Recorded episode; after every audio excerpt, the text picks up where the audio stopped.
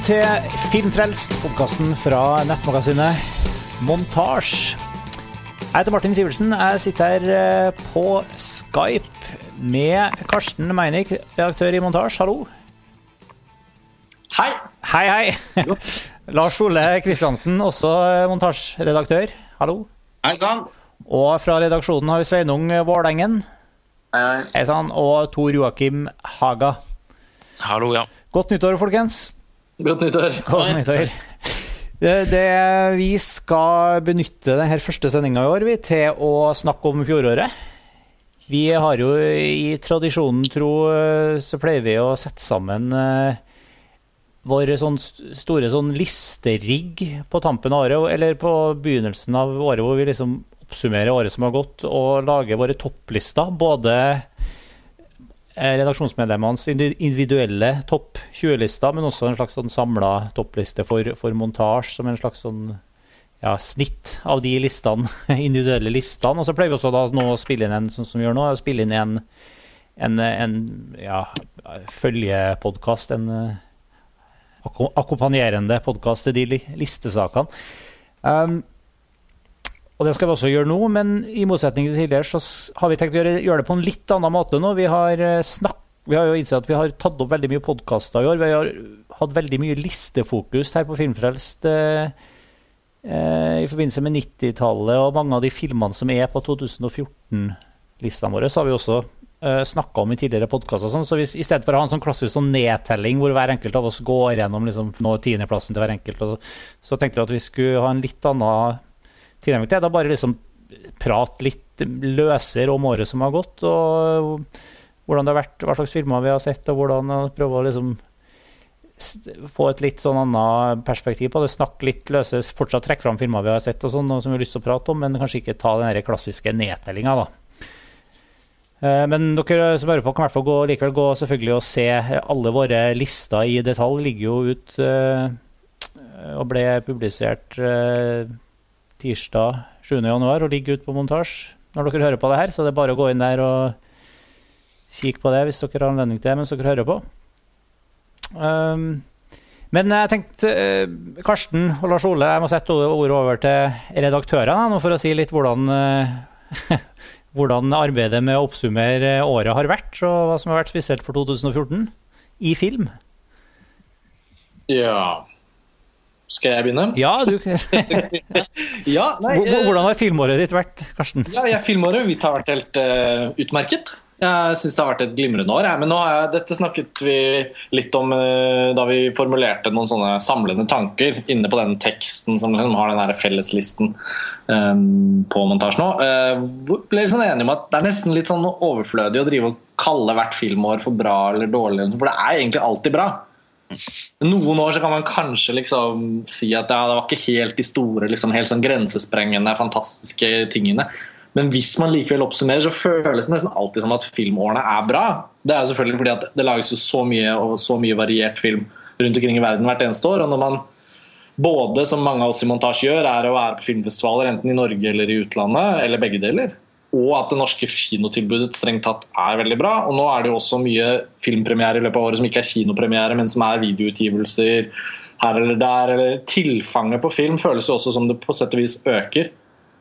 Og når man da destillerer alt det ned, alles lister, alle liksom, uh, impulser som kommer fra høyre og venstre, og redaksjonen vår på sitt bredeste er jo nesten 30 bidragsytere totalt. Nå er det ikke så mange lister, da, men summen av det hele er en følelse av at at uh, det blir overflødig å si er et filmår dårlig eller godt, for det er nesten alltid godt. Og det er alltid ting å finne alltid ting å diskutere. Så, så istedenfor å bruke så mye tid på det, så har vi vel heller tenkt at det er, det er visse sånne trender. Det har vært veldig mange sterke kvinneroller, f.eks. Uh, det er jo i Norge lokalt alltid en debatt sånn Har vi gode kvinneroller i norske filmer og sånn? Greit, den er liksom en meget lokal debatt på siden. Så man ser hele filmkulturen under ett rundt omkring i verden, så har det vært veldig mange spesifikke filmer med veldig veldig liksom, artikulerte og interessante kvinneskikkelser. Ikke liksom bare gode, liksom fromme figurer, men alle mulige variasjoner.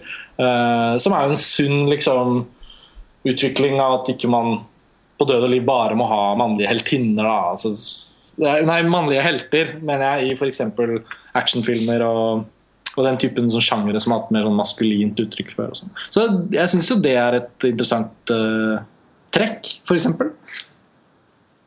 Ja, det er jeg enig i. Og da, man har også liksom sett en, en litt sånn forfriskende variasjon innenfor altså Til og med innenfor uh, Når du snakker om f.eks. at det har vært uh, en del actionheltinner i år, da, så har man også sett en litt sånn spennende variasjon mellom dem. Man har liksom spennet mellom uh, Scarlett Johansen i Lucy, som er en veldig sånn klass, egentlig en veldig sånn klassisk Luc Besson-fatal.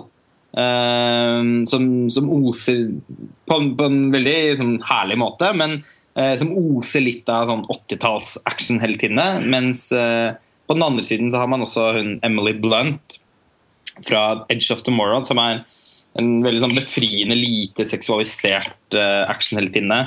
det er jo så vidt det er liksom et Så vidt det er en bitte, bitte liten romanse med Tom Cruise der som som de ikke kunne dy seg for å, for å, ha med. Men bortsett fra det så er hun hele tiden veldig sånn Ikke bare en handlekraftig karakter, men også en veldig sånn selvstendig karakter som aldri er liksom til stede for, for mannen, eh, som strengt tatt er filmens hovedkarakter, og heller ikke eh, Og så er hun heller ikke eh, en sånn hun, hun, er ikke sexifisert opp til å, til å, til å liksom glede den mannlige tilskueren heller, da.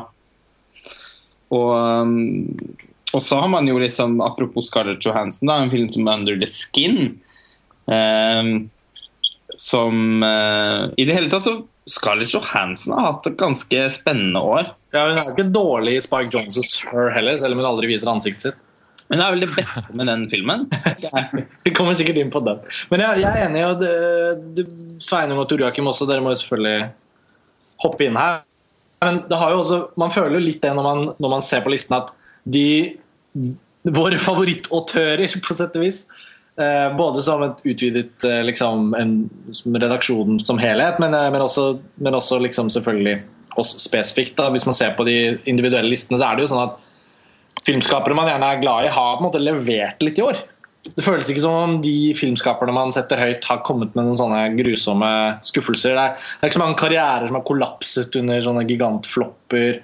Eh, det føles liksom deilig å se på listen. så er det liksom sånn Scorsese, Christopher Nolan, Xavier Dolla, um, Jim Jarmusch liksom.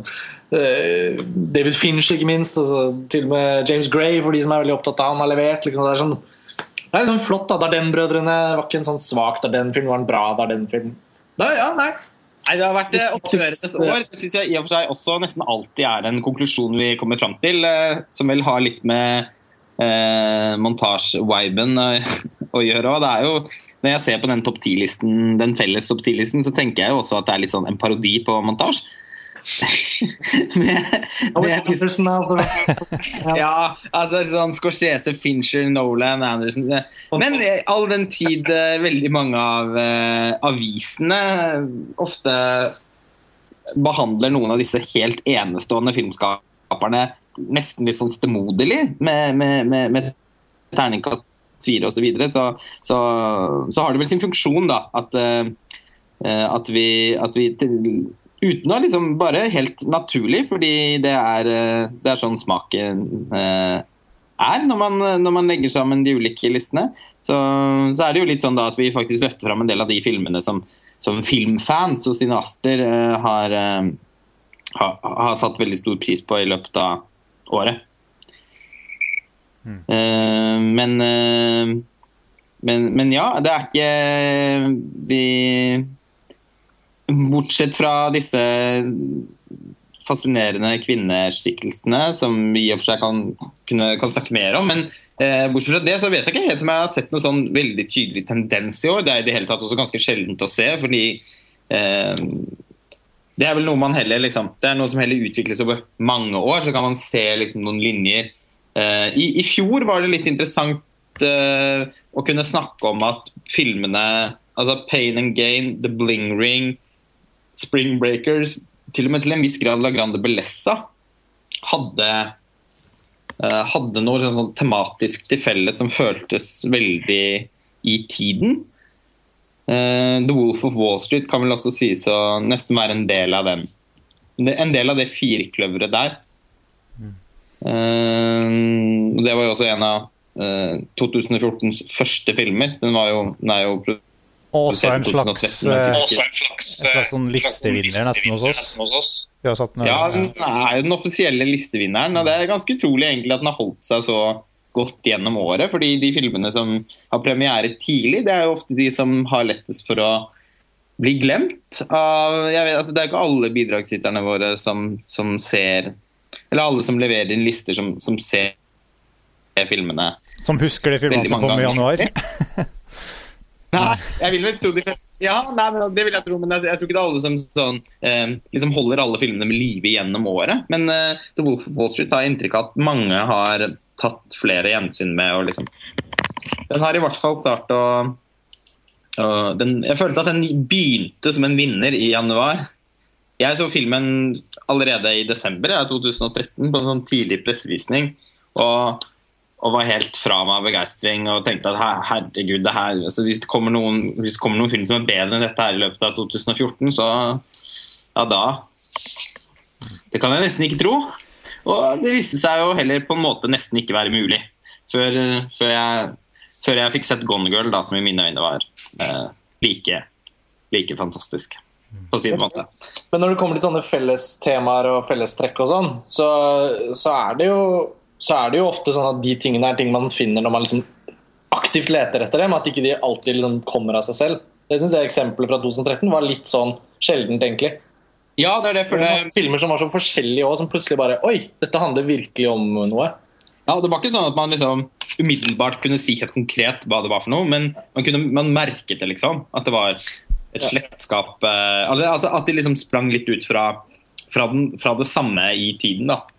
Så for å oppsummere en sånn generell innledning, Martin, så vil jeg jo si at det på en måte er et, et klassisk glimrende filmår. Et klassisk Og et klassisk filmår hvor igjen det er ganske lite innspill Altså lite norske filmer på, på høye plasseringer på listene våre. Ja, det, det skal litt til, da. Altså, man tenker på at hvis Når man da ser filmer fra hele verden, så er det ikke naturlig Så jeg, nå har jeg regnet meg fram til at jeg har sett eh, 143 filmer. Eh, 2014-titler.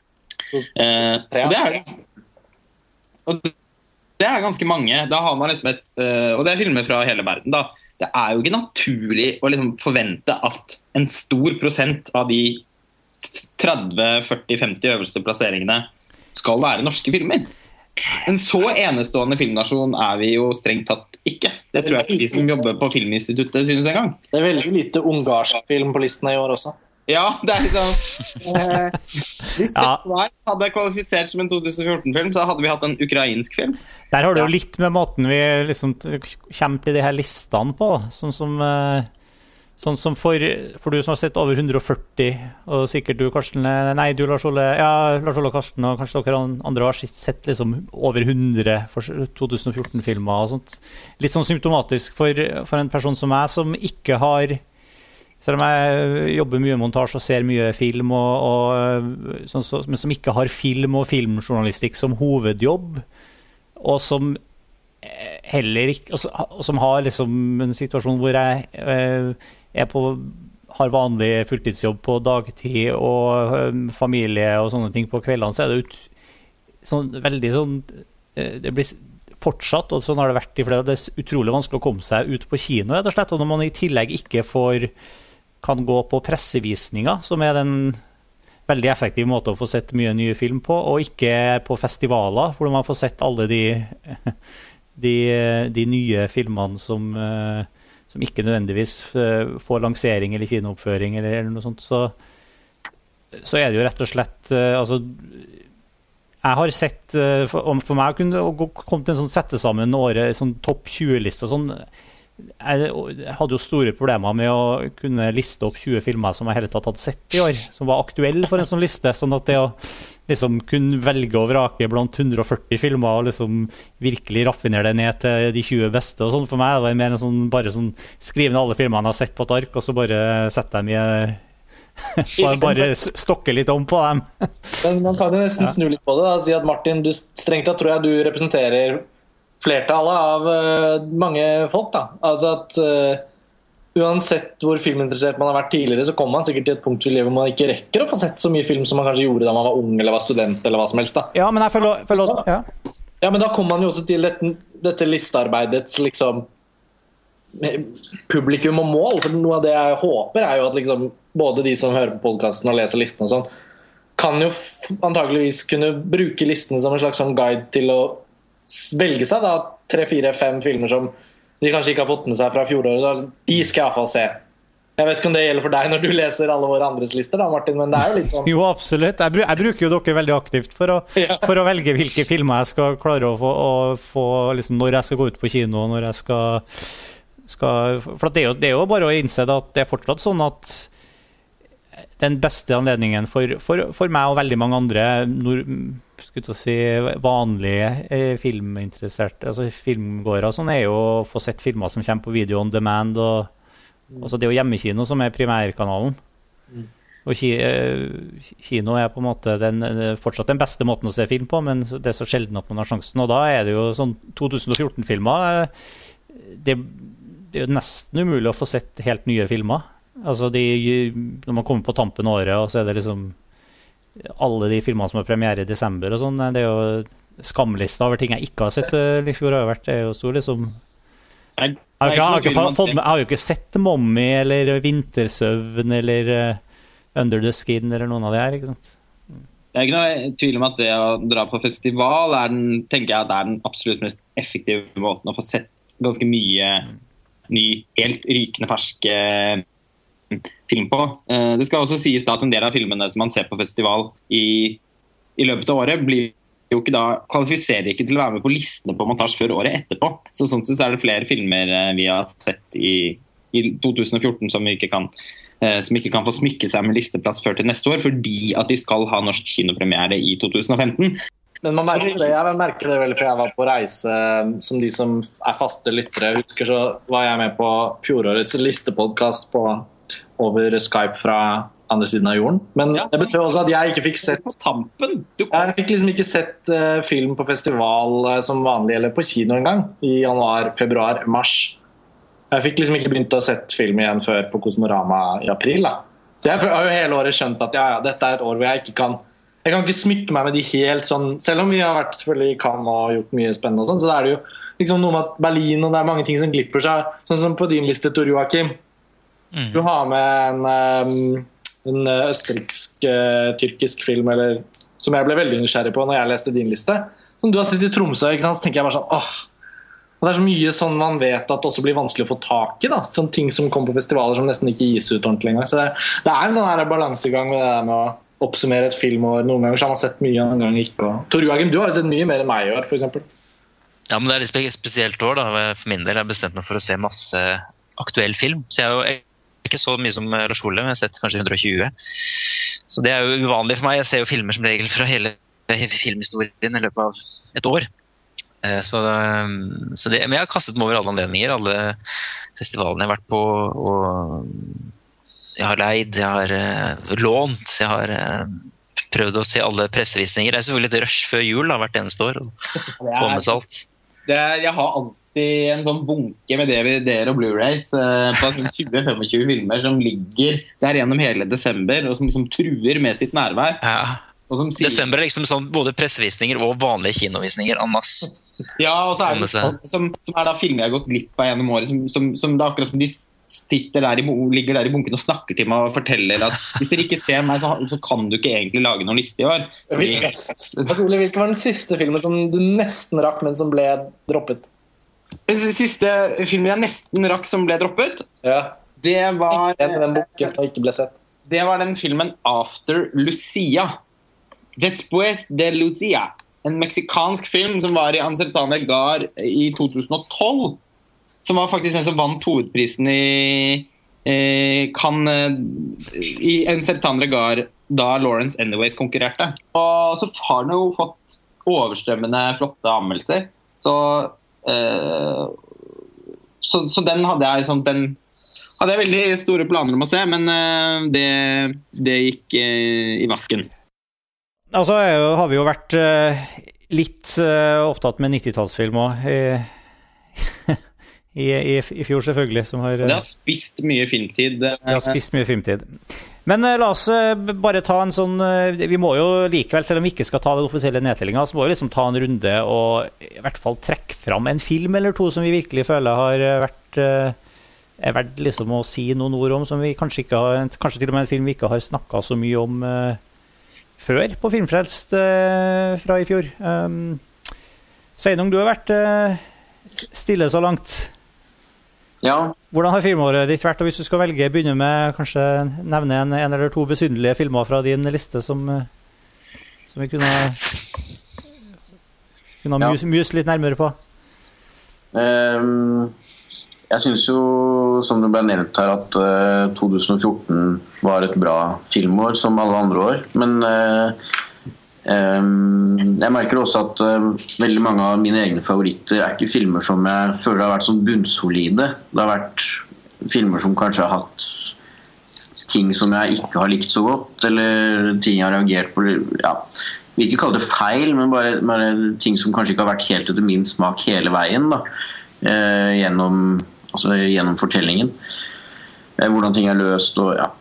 Eh, og en av de filmene er for så vidt uh, min andreplass, som er 'Girlhood'. Uh, en film som jeg har lyst til å trekke fram uh, fordi den fikk den fikk mye firere og femmere, tror jeg. Terningkast og litt sånn Har generelt fått god, god omtale de fleste steder, men det er få som har liksom virkelig elsket den så mye som jeg faktisk gjorde. da og det til tross for at jeg syns den, eh, den halter litt øh, når det kommer til enkelte ting. Men uh, det, det liksom uh, Det ble ikke viktig for meg, da, det store bildet. For jeg syns den filmen har så mye å by på, både visuelt og tematisk. og jeg syns også at det er Celine Skiamas mest spennende film da, til nå. Dette er jo hennes tredje etter 'Vannliljer' og 'Tomboy'. Um, så ja, jeg, jeg, tenkte liksom Akkurat som en annen ting da, som, som, man må finne tid til mot slutten av året, er å kanskje se filmer igjen for å liksom forsikre seg om at ja, den fortjener plassen sin. Uh, og, og 'Girlhood' var en av de filmene, da. Og da kunne jeg jo uh, heldigvis slå fast at det fortsatt var en, uh, en verdig andreplass hos meg, i hvert fall. Um, det ja, man kan jo Jeg trenger ikke liksom si veldig mye mer om akkurat den filmen, men uh, man kan jo fordype seg i Dag Søtholds lange analyse, f.eks. Men uh, det er litt det samme med The Immigrant, som uh, havnet like under på, på listen. som jeg også heldigvis fikk sett igjen før året var omme, og, og syns var en fantastisk film. Fordi James Gray er jo en en ganske mm, nøktern filmskaper, kan man si, sammenligna med, med, mange andre autører som, eh, som har frekventert listene eh, i år. Da. Ehm, men han, det er noe med hans behandling av det klassiske og hans evne til å skildre eh, mennesker på en ganske melodramatisk, men veldig realistisk måte. Da, som jeg, som jeg syns er veldig spennende. Og ja, han, er, han, blir mer og mer en filmskaper for meg som, som virkelig behersker det han holder på med, og som det blir spennende å følge med nå framover. Eh, hva han gjør, da. Og han, eh, han, har jo fått sin anerkjennelse i, i Frankrike og eh, ja, rundt, rundt, omkring i små kretser, kanskje, mer enn han har fått i USA. Eh, men det ser ikke ut til at det, det hindrer han å fortsette å å realisere de prosjektene han virkelig har lyst til å gjøre. Da. Så ja, The Immigrant og, og Girlhood var filmer som, som var viktig for meg å trekke fram og sette høyt på min egen liste, men som også følte at liksom kunne forsvare sin plass. Da. Um, så det var to. Du har jo også en, eh, en hiphop-dokumentar på lista her. Ja, den er jeg nysgjerrig på. Ja. Den, du er den eneste som har mm. Nei, eh, Nas, 'Time Is Illmatic'. Du er ja. Det er kanskje en film som, eh, som, som, ingen andre har på listene sine, i hvert fall, og som kanskje ikke så mange har sett heller. Nei, men nå um, Den ble lansert uh, på uh, VOD nå i 2014. Jeg tror jeg har hatt premiere Var det på Sundance da? Jeg husker ikke helt. Men, men eh, i hvert fall så uh, så jeg den via en streamingtjeneste, og nå oppdaga jeg jo at den vises i Tromsø på filmfestivalen i, eh, i januar. Da, så nå har man faktisk muligheten til å få sett den. Og jeg anbefaler virkelig den filmen til alle. altså Ikke bare fordi uh, Ilmatic er et så liksom, kanonisert rappalbum sånn musikkhistorisk utenfor de som er interessert i, i rapp også, men også fordi den gir et så interessant bilde av en artist uh, i et i et bestemt miljø, i en bestemt by og i en bestemt tidsperiode. Da. Det er liksom New York på 90-tallet og eh, ja, eh, Queens, hvor det er, eh, var mye fattigdom, og fortsatt er det, men, men eh, liksom Nas blir plassert inn i en slags sånn eh, by, altså bymessig veldig interessant eh, film. ja, jeg vet ikke helt altså det, det, Men den, den liksom klarer å ta tak i ganske mye mer da, enn bare det albumet. Uten å overskygge det heller. Så ja. Men sånn som du beskrev den på listen din nå, så syns jeg den virket veldig interessant. For meg, som ikke er så veldig nødvendigvis opptatt av musikkfilmer eller artistportretter og sånn i seg selv, så for En annen film fra i år som du har skrevet om, og som jeg så du hadde på hederlig omtale, Nick Cave-filmen. Mm. Jeg syns jo den Nas-dokumentaren altså den virker Premisset også, å ta et album og se hvor det hører til i sin tid. Og så. Og nå har vi jo vært så inne i 90-tallet, 94, året for Hoop Dreams. Så. Det var så mange koblinger der. Jeg er veldig glad den skal vises på TIFF. Få anledning mm. til å se den. Høre litt mer på Ilmatic nå i tiden fremover. Ja. Så, ja, absolutt en uh, varm anbefaling. Det er selvfølgelig et veldig personlig valg for meg, siden jeg er så opptatt av, av rapp og Ilmatti kanskje er uh, Det er et kjedelig valg også, siden det har blitt, det har blitt så uh, hylla. Men det er kanskje min favoritt-rappskive. Men, men, uavhengig av det så vil jeg si at den filmen er interessant for alle. da. som en ja, sosiologisk skildring av New York og eh, i popkulturen på 90-tallet. Ja, jeg syns den hørtes veldig bra ut. Jeg, jeg har litt kan jeg bare skyte inn et spørsmål til deg når vi er inne på din liste? Mm. For det, Du er også med i en film, uh, 'Love Is The Perfect Crime', av uh, Larieux Er det søsknene? Brødrene? Ekteparet? Uh, bare, den, den, filmen har jeg liksom sett blitt nevnt. Altså Jeg aner ingenting om den. Så tenker jeg, Var dette noe som ble vist på TIFF, eller noe jeg ikke liksom eh, Jeg tror den har en Mathieu Amalric i hovedrollen. Mm. Ja, den, den, eh, ble jo da vist uh, i Berlin. Hvor, ja, Berlin ja. uh, og det var ikke så veldig mange filmer der som jeg følte var liksom fantastisk bra. Uh, men den ble en Det var vel et av de dårligste Berlin-årene, har jeg hørt. Jeg er veldig glad for det siden jeg var borte. Ja, det var Svak årgang. Ja, få, jeg fikk vel, tror jeg, jeg fikk sett flere gode filmer enn deg, Lars Ole, hvis jeg husker riktig. Ja, du husker riktig. Ja.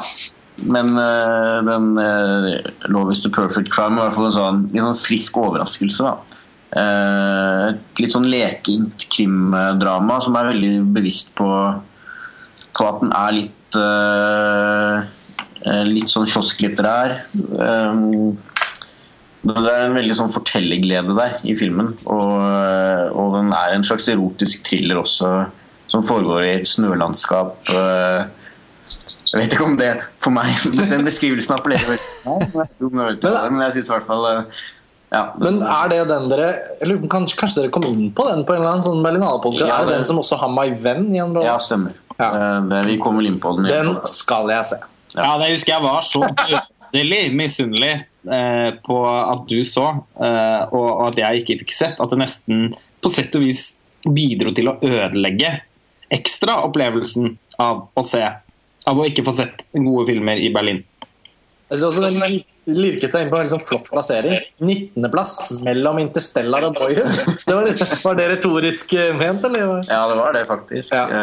Men det er også interessant, fordi nå har jeg Nymphomaniac på 17. og Interstellar på 18. Og det er to filmer som, som også er et eksempel eh, på det jeg sa i stad om filmer som også Det er to utrolig ambisiøse filmer, men som for meg eh, gaper over så mye at eh, de kan på en måte ikke bli blant mine store favoritter fra 2014. Eh, og det tror jeg Lars von Trier tenker om sin egen film også. Ikke at han bryr seg om hva jeg mener om den, men, altså når han snakker om filmen Dette er jo eh, ja, et, et, verk som liksom uh, beveger seg i alle mulige retninger. Så det ser, Bare sånn for å forklare det, det ser, At ikke det er sånn ja, nå informerer jeg ikke til de, må, de må med, liksom. At de er der. Det, det føltes virkelig for meg som en 17.-18.-plass. Ja, men det er jo flott. Og så kommer Loves the Perfect Crime der bak. Ja. Jeg syns det var flott å bla og se. Mm. Det er litt lavt for Nymphomaniac, syns jeg. Du har jo ikke sett Directors Cut, da? Nei. Uh, av andre del. Nei, selvfølgelig, fordi det var jo, det var jo selvfølgelig høydepunkt i Berlin. Uh, for meg, da. Å se den første halvdelen av Directors Cut. Det, nå, nå, forbinder jeg så veldig den opplevelsen med Venezia. Men, uh, men, ja, du har ikke sett den andre delen, og det er vel den, utvilsomt den delen hvor Directors Cut Slår seg løs? Ja. Tilføyer mest. Ja.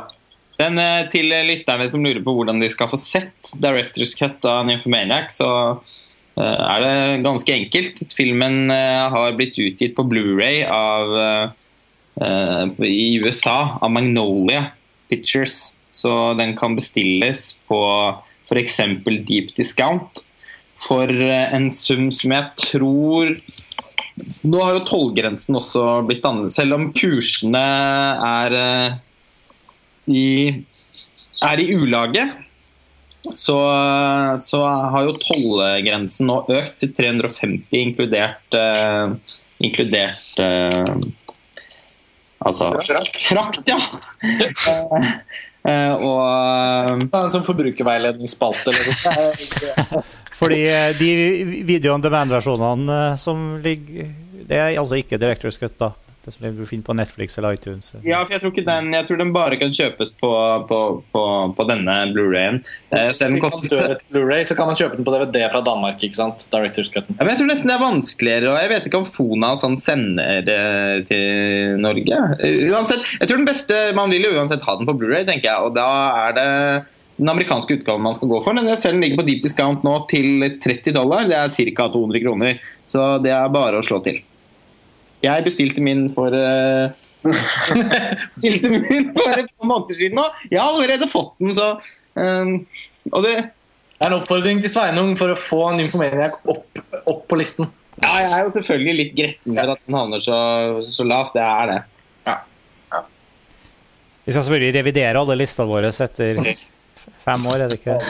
Ja, disse plasseringene. Altså, Hvilke filmer som skal være med, er én ting, men å drive og rangere, rangere det er jo ja. For å si det sånn, jeg eh, orkestrerte et eget mareritt her om dagen hvor jeg gjorde den idiotiske tingen det var å gå tilbake og lese mine egne lister fra liksom montasje ble etablert i 2009. Det var jeg var så uenig med meg selv at det var nesten så jeg ikke leste mine egne lister. Så, så jeg håper jeg har gjort en bedre innsats på vegne av den fremtidige versjonen av meg selv i år, men jeg, har ingen garanti for det. Jeg, jeg, pleier, jeg pleier å være kjempeuenig med meg sjøl bare noen timer etter at vi har spilt inn denne podkasten, så jeg ser for meg at ja, Det er en kjensgjerning det at man som regel blir veldig misfornøyd eh, etter hvert som ukene går. Uh, det opplever jeg hvert eneste, hvert eneste år, men, uh, men så jevnt over, så jeg vil nok alltid satt de samme filmene, bortsett fra hvis jeg ser en film i etterkant som jeg eh, rett og slett ikke fikk sett tidsnok.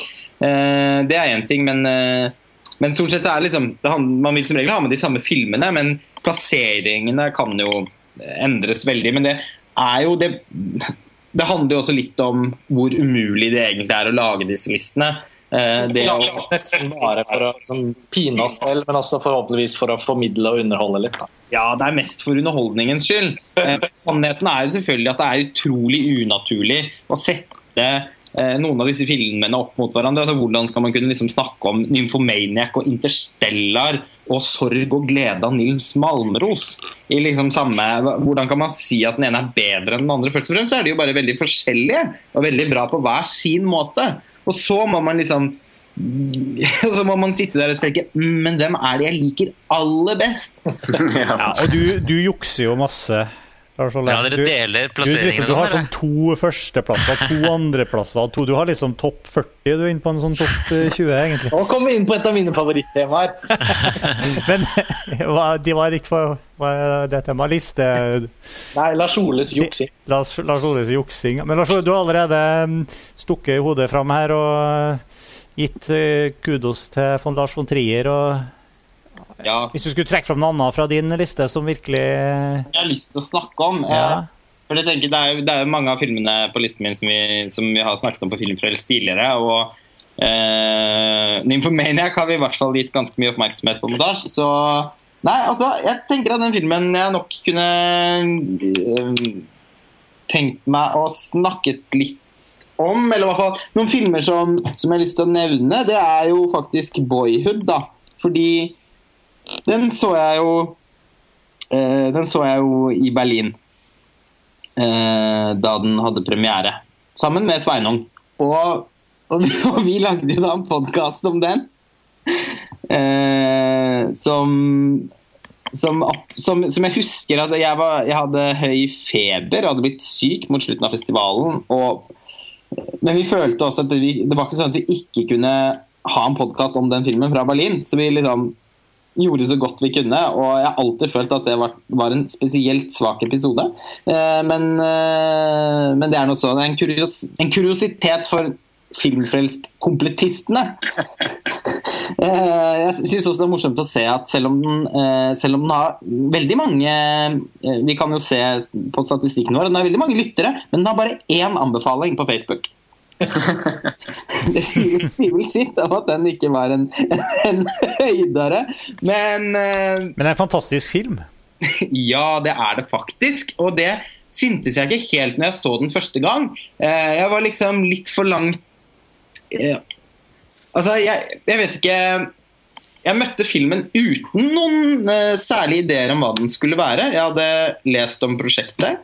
hadde et fint forhold, avslappet forhold til Richard Linklater. Syntes den siste filmen i den Before-trilogien var den klart svakeste. Og var litt sånn sur for at den fikk så mye så åndssvakt bra kritikker. Altså, I Norge i 2013 var det faktisk den mest kritikerroste filmen av alle filmer. Eh, lansert i 2013, så det husker jeg var litt sur over. Eh, men Og så Og den trilogien der handler jo liksom også om tid som, som går. da, og Det var noe et eller annet med liksom, jeg Ja, Richard Linklater, det skal selvfølgelig være et sånn type eh, prosjekt. Og så, så så jeg filmen, og så likte jeg den veldig godt. da, jeg synes den var fin. Eh, men jeg følte liksom også at det var noe litt sånn lettkjøpt over den ideen, og til og med litt sånn sentimentalt. Så når filmen etter hvert, ikke i Berlin, hvor den fikk veldig god mottagelse, men hvor det ikke var noen sånne minaretrop om, om, om mesterverk, men, eh, men i løpet av liksom året så, så, så fikk den jo da en helt spesiell status. eh, og spesielt løftet fram av amerikanske kritikere som, eh, som, en, som et filmhistorisk verk.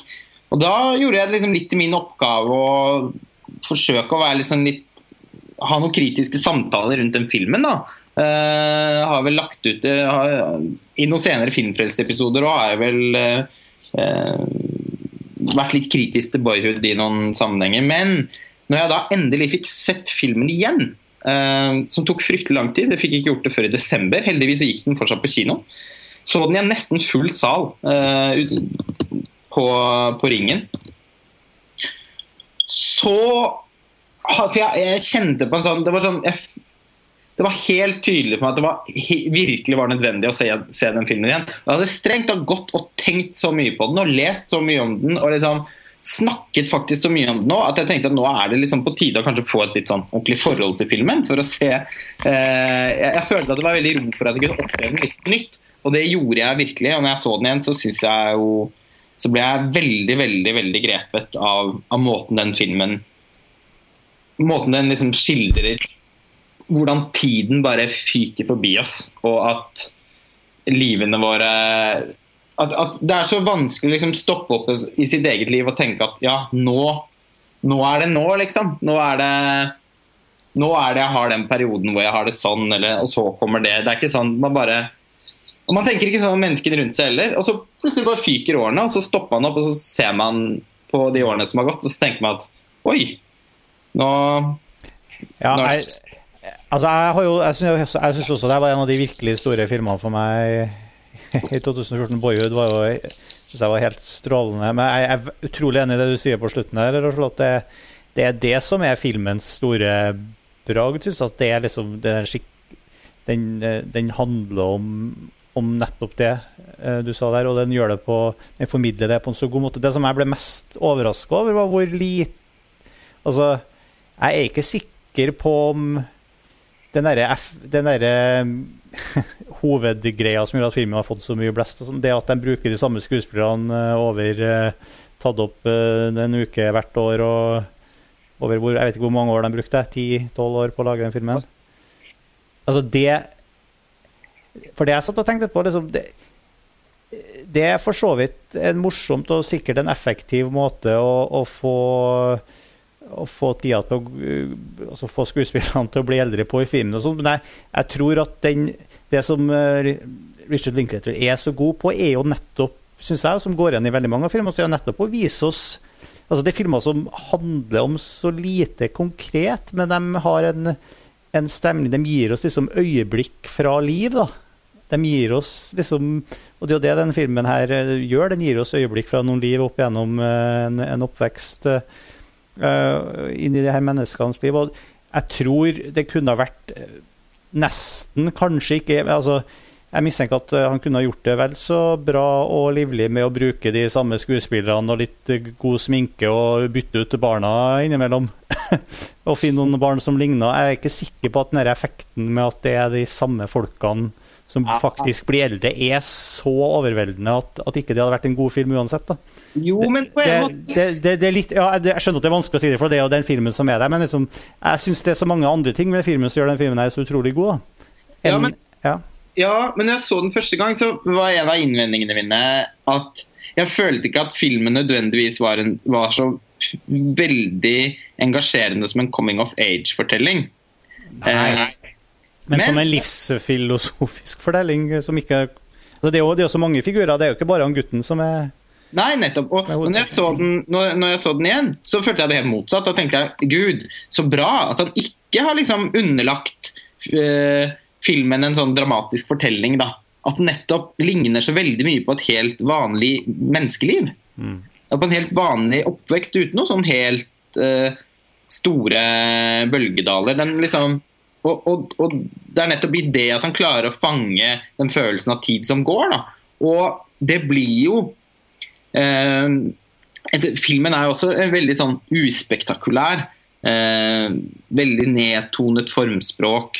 Eh, sånn, den er ikke noe sånn Det er ikke en film som liksom skriker av film eh, sånn umiddelbart, men samtidig er det noe sånn genuint filmatisk ved eh, at ka filmkamera er Filmkameras evne til å registrere tid i bevegelse, rett og slett, blir en veldig eh, sentral del av det, det gjør liksom hele prosjektet genuint filmatisk, da, synes jeg. Og det har ganske mye å gjøre med at de faktisk da bruker de samme skuespillerne og følger de over så mange år. fordi det å se han gutten sitt ansikt, og de andre òg selvfølgelig, men eh, sakte, men sikkert liksom eldes, er eh, Jeg, jeg syns det er en viktig del av opplevelsen. Ja, det var jo Ja, det var også fint. å gi Benjamin Button. Men, men, men altså det, ja, men det er akkurat det du sa. Det, at det er ikke så veldig dramatisk. Tida går Det, det er så og det er jo kjempe, det er jo en lang film, men det er uten de store dramatiske høydepunktene. liksom det, det skjer ikke det, det, er så, det er så flott med filmen. Altså, det, det er jo akkurat det hoved, altså Humora i familien innser jo nett akkurat det samme i, i en slags midtlivskrise på, på tampen av filmen òg, ikke sant? Hey, nå, nå har jeg kommet Nå har livet kommet hit, og alle de store dramatiske øyeblikkene Det har liksom bare vært øyeblikk, det òg. Det, det har ikke vært de store de, de, de helt, Den helt store dramatikken har uteblitt, liksom. Det har eh, Hei, hva, hva skjedde med livet mitt? Det så Ja. Det må, Det- må sies at filmen, Det har vært en, en serie med øyeblikk, rett og slett. filmen appellerer jo uh, også til en viss nostalgi. Uh, som, som vi sikkert alle går rundt og føler på. Og som også i og for seg var noe av det jeg tenkte på som litt sånn lettkjøpt første gang jeg så den, men som jeg bare ble veldig truffet av når jeg så den igjen. Uh, F.eks. den scenen hvor, uh, hvor de barna går på en sånn eh, Det er en sånn bokhandel som er nattåpen fordi det er lansering av den sjette Harry Potter-boka. 'Harry Potter og halvblodsprinsen'. Eh, hvor, hvor alle barna har kledd seg ut, og de spiller eh, Harry Potter-musikk fra høyttalerne. Og det er sånn eh, Når jeg så eh, når, jeg så eh, når jeg så det igjen, så ble jeg helt Da rant det tårer nedover kinnene mine fordi at jeg bare det var for nært. Det var liksom Akkurat de årene der er Jeg tenker på nevøen min som nå er 15 år eh, og, og, og, og 1,85 høy, og som pleide å pleide å fyke rundt med, med Hogwarts-skjerf og, og litt sånn tåpelige Harry Potter-briller og en sånn mislykka sminka arr i panna. Eh, for, og det var liksom, det, plutselig så ble det masse, masse, masse minner eh, om noe som definitivt er over, som, som dukket så veldig opp i meg. Og den, den scenen er bare ett eksempel på det. Jeg synes det er flere sånne scener i filmen som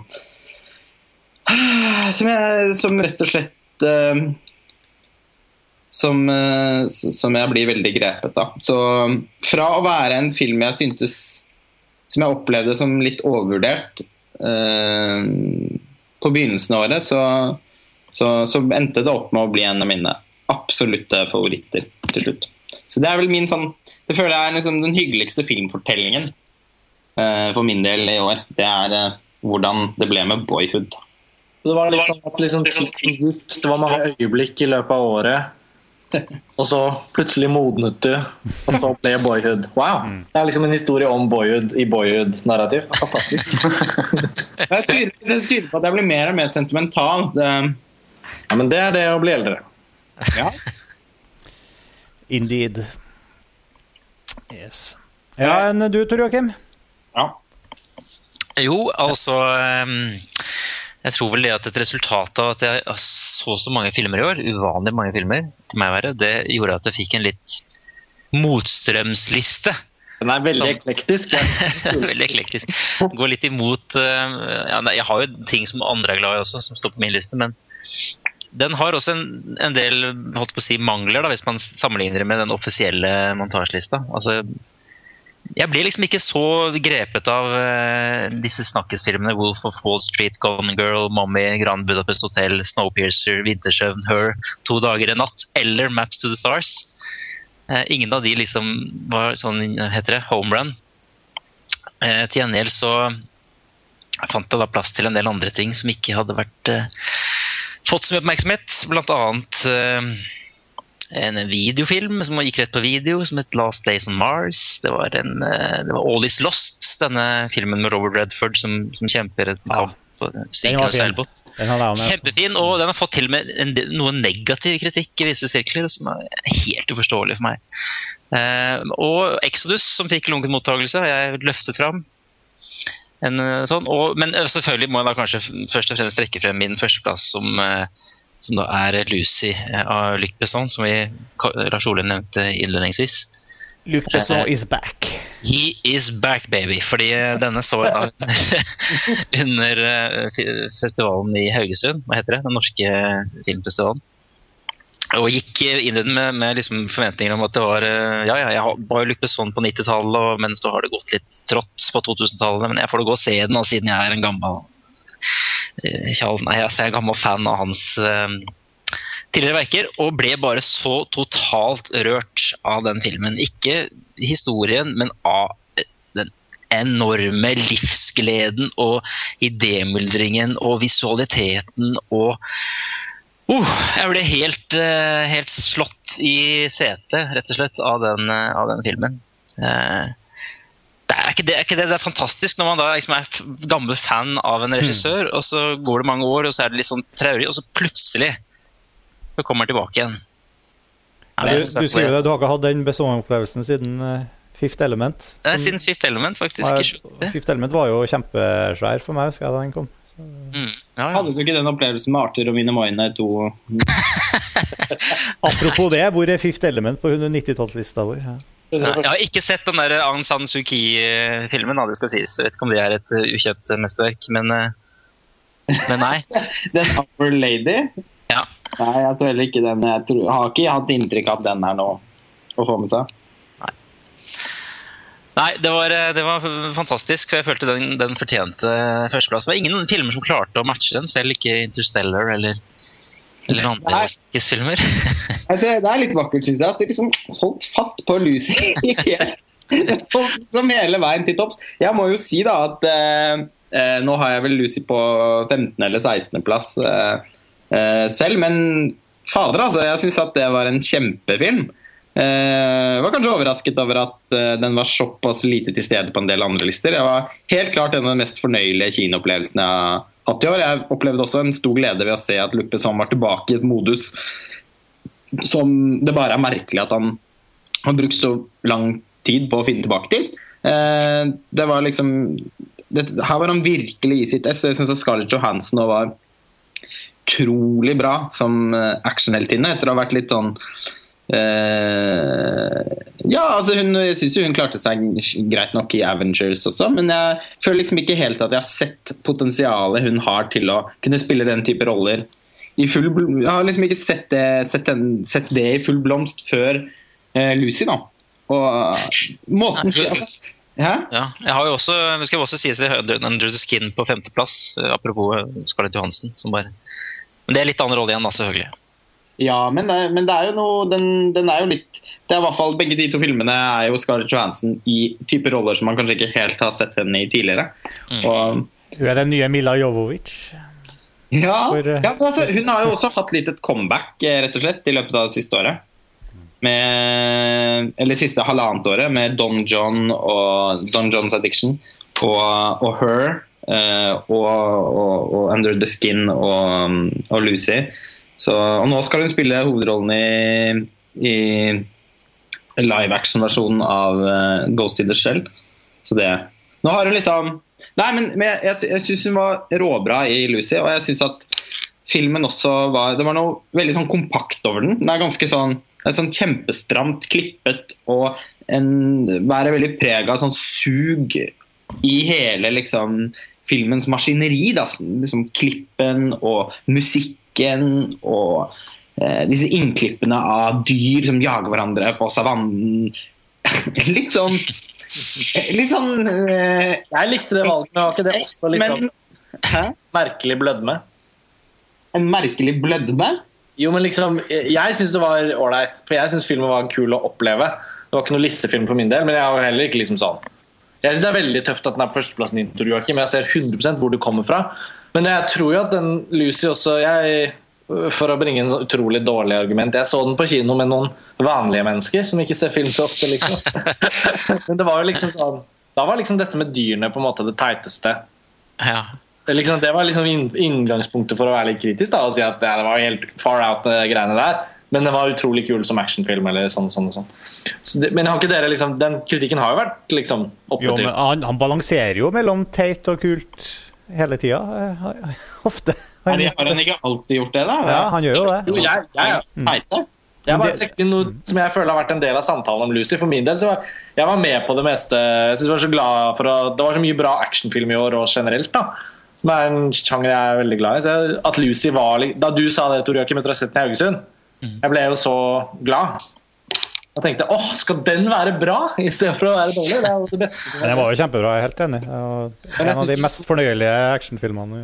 Men, men det samme Godzilla for meg, som også var en bra actionfilm. da Eh, Men det var bra for andre ting også. Så, det er likevel noe med at liksom Men man legger jo vekt på forskjellige ting. Da. Men uansett hvor bra de var, så var det ingen av de som kunne liksom bli listefilmer for meg. Det er det som er gøy med å ikke snakke om topp fem sånn slavisk eh, i denne podkastversjonen av å snakke om topplistene. Men også gå litt mer på sånn her, hva var de forskjellige valgene som, som ikke alle andre har tatt. Men jeg, jeg syns jo det, det er så deilig å kunne gjøre det. da. så, at jeg nå har, liksom, har Godzilla på tredje, og jeg har, jeg har Exodus på sjette. Filmer som fikk lunken til dårlig mottakelse, kanskje. Og så bare liksom pushe de for det det har vært, og så bare liksom driter litt i hva de har, hvordan de, hvordan de har vært mottatt ellers. Ja, det som ble dårligst mottatt av de, var vel Exodus, eller? Eh, Godzilla fikk Ja. ikke kritikk. Ja, det, Ja, ja. Lucy har jo fått veldig mye bra altså, De fleste er jo enige om at dette er Luc Besson sin beste film på veldig veldig mange år. Og selv om altså, Den er på en måte i et sjikt en, en type film som aldri vil få de helt store eh, kritikkene, men det er ganske mange litt sånn kule amerikanske kritikere og sånn som har, eh, som har løftet fram eh, den. og jeg synes bare det er, en- det er også en film jeg mistenker at hvis jeg hadde rukket å sett den en gang til, så er jeg ikke fremmed for at den kunne kommet høyere på listen min. Jeg synes også det er så, sånne type filmer som bare følger en karakter innenfor et visst tidsrom som den filmen gjør, jeg syns jeg også generelt er så kult. At, uh, jeg, eh, og, og, at den er så, det at den er så kompakt. At den, er sånn, den er vel om 90 minutter eller noe? Er den ikke det? Ja, jo, noe sånt. Ja, den, er liksom, den, den var sånn Jeg følte at Jeg syns den filmen satt 100 til tross for at det var noen sånne teite ting og sånn, men jeg syns eh, eh, det var en del av sjarmen med, med den, eh, syns jeg. Og eh, Exodus må jeg bare si at jeg syns var forferdelig skuffende. Så den var eh, totalt nedtur for min del. Ja, ja, det regna med det litt. Ja, det var, det var veldig sørgelig, faktisk. eh, For jeg, det, det, den, går, den går faktisk ned på en sånn liste over ytterst få Ridley Scott-filmer som jeg kan si jeg ikke liker. Men uh, de trenger ikke å uh, Bare vent, det kommer en uh, tre kvarter lenger Director's Cut snart som retter opp. Ja. Ja, det kan hende. Selv om det, denne filmen følte jeg nesten også var i lengste laget, for jeg syns den var så kjedelig. Men, men, Da, da blir det et mesterverk. men Godzilla eh, Den gikk jeg jo glipp av på kino. Og jeg vet jo at du har snakket veldig varmt om den, Tor Joakim. Og Kjøpte, kjøpte den, gjorde du ikke det? På jo, jeg kjøpte Ja. på Blu-ray. Eh, og du er for så vidt nesten også den eneste jeg kjenner som, ha, vi, som har virkelig snakket varmt om den. Eh, Vi har jo spilt inn en hel eh, Filmfest-episode òg, men med mye varmt snakk. Ja da.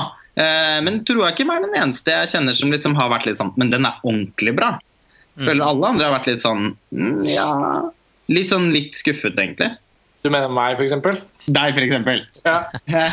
Men så så jeg den, og den var kjempe Den, var jo, den likte jeg kjempegodt. Jeg syns at uh, det var, den var veldig mye bedre enn det jeg hadde forestilt meg. Jeg syns det var veldig kult hvordan filmen la så lite vekt på karakterutvikling og egentlig historiefortelling, men nesten viet hele, hele seg selv til å bare lage eh, fantastiske enkeltsekvenser med den var veldig stemningsfull og masse spennende detaljer i bildene. og var ganske imponert. Jeg var ikke noe begeistra for den debutfilmen til Gareth Edwards.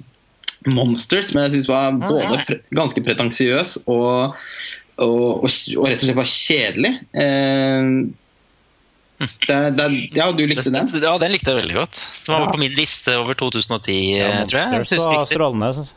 Jeg tenkte på deg, Tor Joakim, også i forhold til Godzilla. Den var jo også veldig sånn Den var nesten skapt for dine preferanser. Ja, veldig meg, ja. Det er jo det. Det var jo i det hele tatt mye bra, litt sånn visuell science fiction-monsteraktige ting i fjor. Det bærer jo min liste stort preg av også. Men at ikke Snowpiercer er en film du Det kan jeg Nei, nesten den, den funka ikke for meg, altså. Det var for mye quirk. Snowpiercer liksom ikke engang på lista. Nei, nei, nei. Det er problemet. Nei, det, det var quirken som gjorde det. Toneforvirringen. Men er det ingen koreanske filmer du liker? Er. Korea er kanskje ikke ditt filmland? Nei, Oldboy, vet ikke. Nei, det var den gangen jeg så den. Det er ikke så mye av de her monsterfilmene fra Korea som jeg syns er så veldig Ikke The Host og ikke Nei, jeg vet ikke, altså. Det er liksom ikke mitt land, for det. Men Fair enough, men en sånn Den er jo- Lus førsteplass og Snowpiercer i listinga, Det er noe som ikke går opp hos meg, men det, det, vi kan ikke være enige om. Men altså Men, men, men, eh, men The Host og, og Godzilla De har jo for så vidt en del ting til felles. Bortsett fra at Godzilla er litt mer eh, Jeg vet jo at du er veldig glad i i iscenesettelse, tror jeg, Kim. Og den er ganske virtuos på det området. Det var egentlig det jeg skulle si med Gareth Edwards. da. At selv om jeg ikke jeg, jeg følte ikke at 'Monster' var denne helt utrolige debutfilmen som det var så mange som snakket gjevt om. Men eh, jeg ble virkelig imponert over at Godzilla da er hans første liksom, store spillefilm. Eh, jeg var veldig imponert over hvor bra han håndterte det, rett og slett. Så hans blockbuster-debut, da Ja, det er veldig bra. Det lover bra for Star Wars. Er det ikke det han skal gjøre nå? Jo. Spin-off i Star Wars. Ja. Spin-off-greiene. Det kan Mm. bli lovende.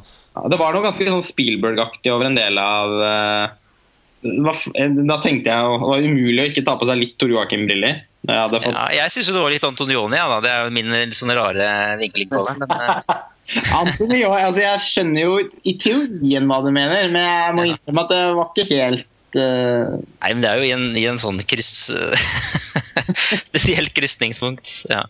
Jo, det var en sånn fan-edit trailer mashup som, som lager en sånn Antonioni-aktig presentasjon av Godzilla. ja. Jeg tror det hadde vært dritkult. Du, bare sett den scenen hvor de, de De prøvde seg på litt eksperimentelle ting under traileren, med den, eller også i filmen med den der fallskjermscenen. ja, det var helt var fantastisk. kunstfilmaktige ting. Ja, jeg synes det var Godzilla eh, hadde en av årets beste trailere, altså 2014. Ja, Ja.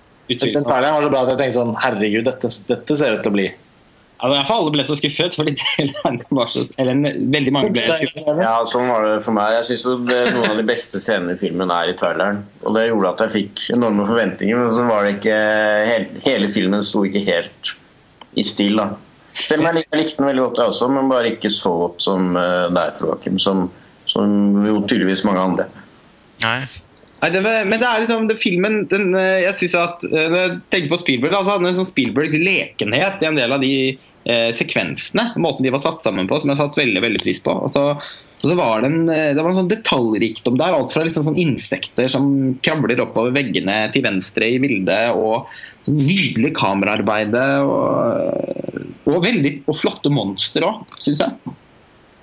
Det var Nei, den var en stor positiv eh, opplevelse mot slutten av, av året. Skulle selvfølgelig helst ha sett den på kino, men eh, det gikk, den var super på Blu-ray Ja. Mm. Joakim, for Du hadde så mange interessante, ukjente filmer på listen din. Er det noen annen du hadde hatt lyst til å trekke fram? Jeg tror ikke jeg har så mange ukjente eh, Ja, Hvis du ser nedover, så ja, Det var Last Days on Mars, da, som jeg har fått masse pepper. Ja, du nevnte den. Hva, hva, hva, er det den Bortsett fra det du skriver om i omtalen din, så er det jo likevel ikke så lett å Nei, altså det er jo en sånn rett på videofilm eh, i Norge. Som, eh, med zombie og, Mars og litt sånn exploitation-aktige elementer. Men, men det er jo ikke det det handler om. Det handler jo om iscenesettelsen her også, som det gjør i de fleste av mine favorittfilmer. Eh, Det er liksom så mange kreative krefter her med, hvor liksom det er henta fra øverste hylle med skuespillere, og med komponister og med fotografer og med det ene og det andre. Og det er en debutfilm. Jeg synes det er en helt fantastisk debutfilm av en eh, newzealandsk regissør som heter Ruari Robinson.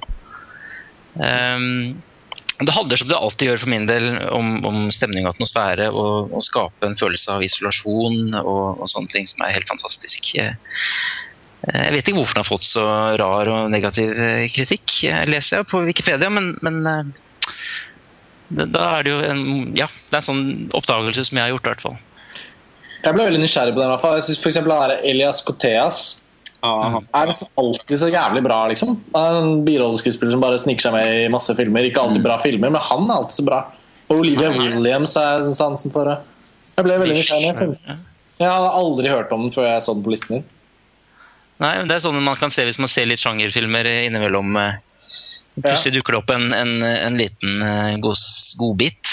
Eh, Så ja, Nei, ellers er det ikke så mye veldig Jo, så er det også en horrorfilm som heter Oculus. Vi snakket om, vi snakket om den i stad, den It Follows, som jeg dessverre ikke fikk sett eh, i år. Men den kommer da neste år, så jeg får anledning da. Skal vises i Tromsø, tror jeg. Men uh, den største horrorfilmen for meg i fjor var en film som het Oculus, av en regissør som heter Flanagan. Uh, med speil og vesener og Ja, den var, litt, den var veldig effektiv og creepy. Eh, ja, nei det, Ja, og Young Ones kanskje kan jeg også nevne med, med Elle Fanning. Postapokalyptisk sak som jeg syns var veldig morsom. Ja. Og The Guest, det må vi også nevne, av Adam Wingard. Det var jo dere som tipset meg om den. Det var jo en liksom kjempe... Ja. Ja, sorry. Ja. Nei, Det var en kjempeherlig oppdagelse av en sånn eh, 80-talls pastisj eh, Home Invasion-horrorsak. Som jeg ikke hadde forventa i det hele tatt. Det var jeg tror det var Lars Ole eller en eller annen som hadde tipset meg om den. Ja, Lars Ole, jeg så den i New York, og den er jo kommet på video on demand, eh, men uh, den er ikke liksom lansert i Norge ordentlig. Jeg ser liksom litt for meg at den på en eller annen måte dukker opp i 2015. da. Og den var litt sånn listedupper for min del, så jeg tenkte bare nei, uansett eh, jeg bare skyver den til neste år, tenkte jeg. Og jeg har også lyst til å se den igjen. Men den, apropos det du sier, da, litt sånn sånne B-filmer som er litt på siden. Det er ikke sikkert den kommer på kino i Norge, tviler jeg egentlig på. Men den er dritbra. Og Er underholdningsnivået som er liksom sånn uventet i forhold til hva filmen liksom begynner med. og Liksom, den sniker seg inn. Den har egentlig litt sånn ting til felles med litt follows, føler jeg. Bortsett fra at de er veldig forskjellige sjangere, så er det liksom det er sånne independent-filmer som ligger i et sånt merkelig sånn sjikte i USA som liksom er er såpass lavt under liksom mainstream-radaren rent sånn produksjonsmessig. da, Lavbudsjetter og alt det der. Ikke de største stjernene, men likevel akkurat sånn at de får til en visjon som ikke føles billig. Ja, veldig imponerende. De to filmene begynner jo sammen av hun Marka Monroe som spiller ja, rollen. Og hun har jo ingen sett på en måte ennå. Og når, hun, når de filmene får litt uh, sånn Meet Follows, når den får amerikansk premiere, særlig i det, da, så tror jeg hun kommer til å breake gjennom. Ja, for Den kommer til å bli en sjangerklassiker, tror jeg. Så eh, den, det, er, det er så mye bra rundt den, buzz rundt den filmen nå, og det er veldig gøy. eh, at den liksom ser ut til å få en litt sånn At den blir noe litt stort, for det fortjener den. Eh, Det som skjedde nå, da på 2015-listen. Ja, eh, Jeg hadde The Guest da på, på listen i år, fordi jeg tok for gitt at den ikke kom til å få en norsk kinodistribusjon. Kunne selvfølgelig også ventet, men jeg bare klinket, eh, klinket den inn. Syns det var eh, også en av de mest en av de morsomste sånn overraskende kinoopplevelsene fra i fjor. Det var en sånn herlig John Carpenter-aktig eh, feeling over den eh, filmen som eh, var Jeg ser vi har den på samme plass, faktisk. 19.-plass, begge to. Ja, og det, og det er egentlig veldig høyt, da. Så Ja. Fortjener, og det fortjener, den virkelig, syns jeg. Den var en deilig film. Nydelig sint uh, Og fantastisk soundtrack. Ja. Og sånn eh, Og litt sånn B-filmaktig plott som var Men jeg, jeg følte at de liksom De naila den tonen veldig, veldig bra. Den gikk ikke liksom for langt i noen retning. Den var både spennende og ganske morsom, corny og litt sånn uhyggelig på samme tid. En eh, merkelig, merkelig film som eh, fortjener å, å, å få et uh, publikum. Jeg må slenge inn en siste, jeg må slenge inn en siste film i denne sammenhengen. Uh, For den, den var 2013-film for meg, så den har jeg ikke liksom vurdert i år. Men en film i akkurat samme sjiktet, sånn independent-film fra USA som er helt nede, liksom, uten kjente skuespillere, liksom, litt sånn under radaren. Det er en film som heter Blue Ruin. Mm. Som dukket opp på flere av brukerne våre, leserne, leserne våre lister i kommentarfeltet. En som heter Henrik, som hadde den på andreplass. En annen som hadde den på femteplass. Jeg synes Det var en, også en steinbra film, sånn hevntriller, sånn helt ut fra ingenting, på en måte. Mm. Veldig rart. Den, den mislikte jeg. Jeg jeg registrerer eh, at jeg mislikte den for jeg ser på karakterene som jeg, som jeg ga den da jeg så den, men jeg kan ikke huske hvorfor. Eller jeg kan ikke huske så mye av filmen. Ikke, ikke nødvendigvis en sånn veldig høyt på listen-film, men akkurat i det samme sjiktet vi er inne på nå. da. Eh, filmer som liksom er sjangerdefinerte på sett og vis, men som ikke har denne kjente amerikanske skuespillere i topp toppsjiktet som gjør at de kan liksom få en stor, bred kinndistribusjon, men som likevel har en sånn sterk registemme som liksom ligger og ulmer. da. Sikkert sånn som Monsters også var det året. at det er liksom sånn, Her er det et eller annet. Og jeg tror filmskaperne bak både The Guest og Blue Ruin og de kommer nok til å As above, so below, også samme kategori. ja, de kommer til å få lage Coherence. Ja. Ja, Det blir sikkert plukket opp. da Det er sånn fint, interessant sjikte i, i seg selv. Men han eh, regissøren bak eh, Blue Ruin har jo nå lagd eh, egentlig over en ganske kort periode flere eh, ganske sånn kritikerroste, sånn litt under radaren-filmer. Ja. Eh, nå står jeg stille for meg hva han heter. Jeremy Saunier. Å ja. Eller tenkte du på Adam, Adam Wingard? Nei, det er The Guest. Ja, det er The Guest. Å ja, det var, ja, da var det den jeg tenkte på. Han har lagd debutfilmen han, You're Next. Den er også absolutt verdt å se. En uh, slasher. Så skapte jeg forvirring. Ja, hvem tenkte du på? Og jeg, og jeg begynte på å tenke på en helt annen en. Ja, okay. Jeg tenker på han som har lagd den der Fields of England og Ja, Ben Wheatley. Ja. ja. Men han er en annen, men han har ikke jeg sett noen film må filmer bare beklage. Nei, men han er, han er også relevant å komme inn på. Ingen det, Hadde du A Field of England på din liste? Uh, Nei, jeg hadde Blue Ruin. Du hadde Blue Ruin. Ja, veldig bra. Det er morsomt. A Field of England. Han Ben Wheatley. Hva er greia der? Jeg har ikke sett noen av filmene hans. Jeg føler på et eller annet tidspunkt så må jeg gjøre det, for nå, nå, nå ulmer det med disse Ben Wheatley-filmene. De kommer jo fra høyre og fra venstre. Ja, nettopp. nettopp. Er det noen som har sett noe av han? Jeg har bare sett har sett Doctor Who, da. Han har visst jobba på Doctor Who, sier jeg. Men det er det eneste. Den har jeg ikke sett. Da har laget denne Kill List, som skal være dritbra. Han har laget Sightseer, som skal være kjempebra. The Field of England. Ja. Uh, og nå har han laget en film som heter High Rise, med han Tom Hiddleston, som kommer i 2015.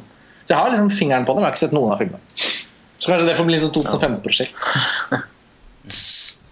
Ja, absolutt. Uh, det må bli et prosjekt for meg òg. Jeg er heller ikke kommet meg inn i Ben, uh, ben Wheatley. Hæ? Nei, jeg sier bare Ben Wheatleys verden. Så om det er. Verden. Eh, en, annen, eh, en annen film som, som kan være verdt å snakke om, som, som, som, som, vi har, som Sveinung skrev en omtale av, men som vi vel aldri har kommet inn på på Filmfrelst, det er 'Only Lovers Left Alive' til Jim Jarmusch. Eh, som jeg eh, hadde Som jeg likte når jeg så den på Cinemateket, uten at jeg var sånn slått i bakken av den. Jeg har jo også et veldig avmålt forhold til Jim Jarmusch generelt. Så det var ikke Den var egentlig litt som forventa, men uh, men den fikk jeg sett igjen helt sånn på tampen av året. Og jeg hadde et veldig fint gjensyn med den. Um, er det Jeg tror det, jeg tror det er litt rart. Vi har begge to eh, litt sånn avmålt forhold til, til Jim Jarmusch, men akkurat det, det, filmen her tror jeg er den beste jeg har sett av han, faktisk. Det er vel en visuell nakkekotelett, er det ikke det? Jeg, jeg vet Ja, som Sveinung brukte i sin Det er Sveinung sa det. omtale. Ja, det var, mye, det var morsomt å leke seg med vampyr og vampyrmetaforer. Uh, skrev omtalen, men jeg, jeg står ja, jeg setter også Jeg er jo en ganske stor Jarmusch-fan, da. Men jeg setter også den uh, filmen uh, veldig høyt på listen over hans filmer. Um, og uh, ja. Så den kom høyt på min liste. Og jeg syns det er litt det er morsomt å se at han han, gjør, han gjør liksom litt nye ting der òg, føler jeg. Den, er, den beveger seg litt i samme landskap sånn visuelt som hans eh, siste filmer, men den er jo ikke like saktegående som 'Limits of Control', f.eks. Og eh, jeg liker godt at han gjør sånn som med westernsjangeren i 'Dead Man', at han liksom eh, ja, eh, retter blikket mot en en bestemt sjanger, hvis man kan kalle vampyrfilm det. Og, og gjør sin helt eh, sånn særegne Jarmusch-vri på den. Mm.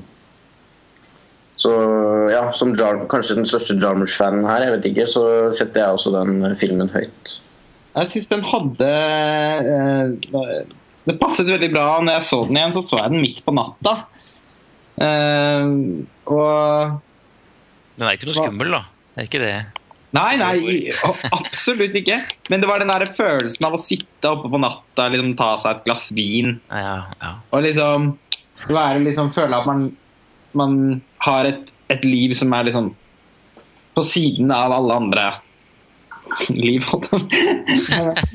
Det er en følelse av liksom trekke et sort teppe over seg og bare være helt for seg selv. Filmen fungerte liksom Det var en veldig sånn god stemnings... Jeg kom i veldig sånn god stemning av å se den. Jeg synes, synes også, satte også mer pris på humoren i filmen. Jeg så den igjen. Og den litt sånn derre coolnessen i, i rolleprestasjonene til, eh, til både han Tom Hiddleston og, og Tilda Swinton og Mia Wasikowska, som spiller i den ene utrolig bra filmen etter den andre. Og som må vel være sin generasjons kanskje aller beste skuespiller. Søteste. Ja, men også mest allsidige. Hun kan også spille ikke så fullt så søte roller. F.eks. i 'Maps to the Stars' Uh... Eller Stoker.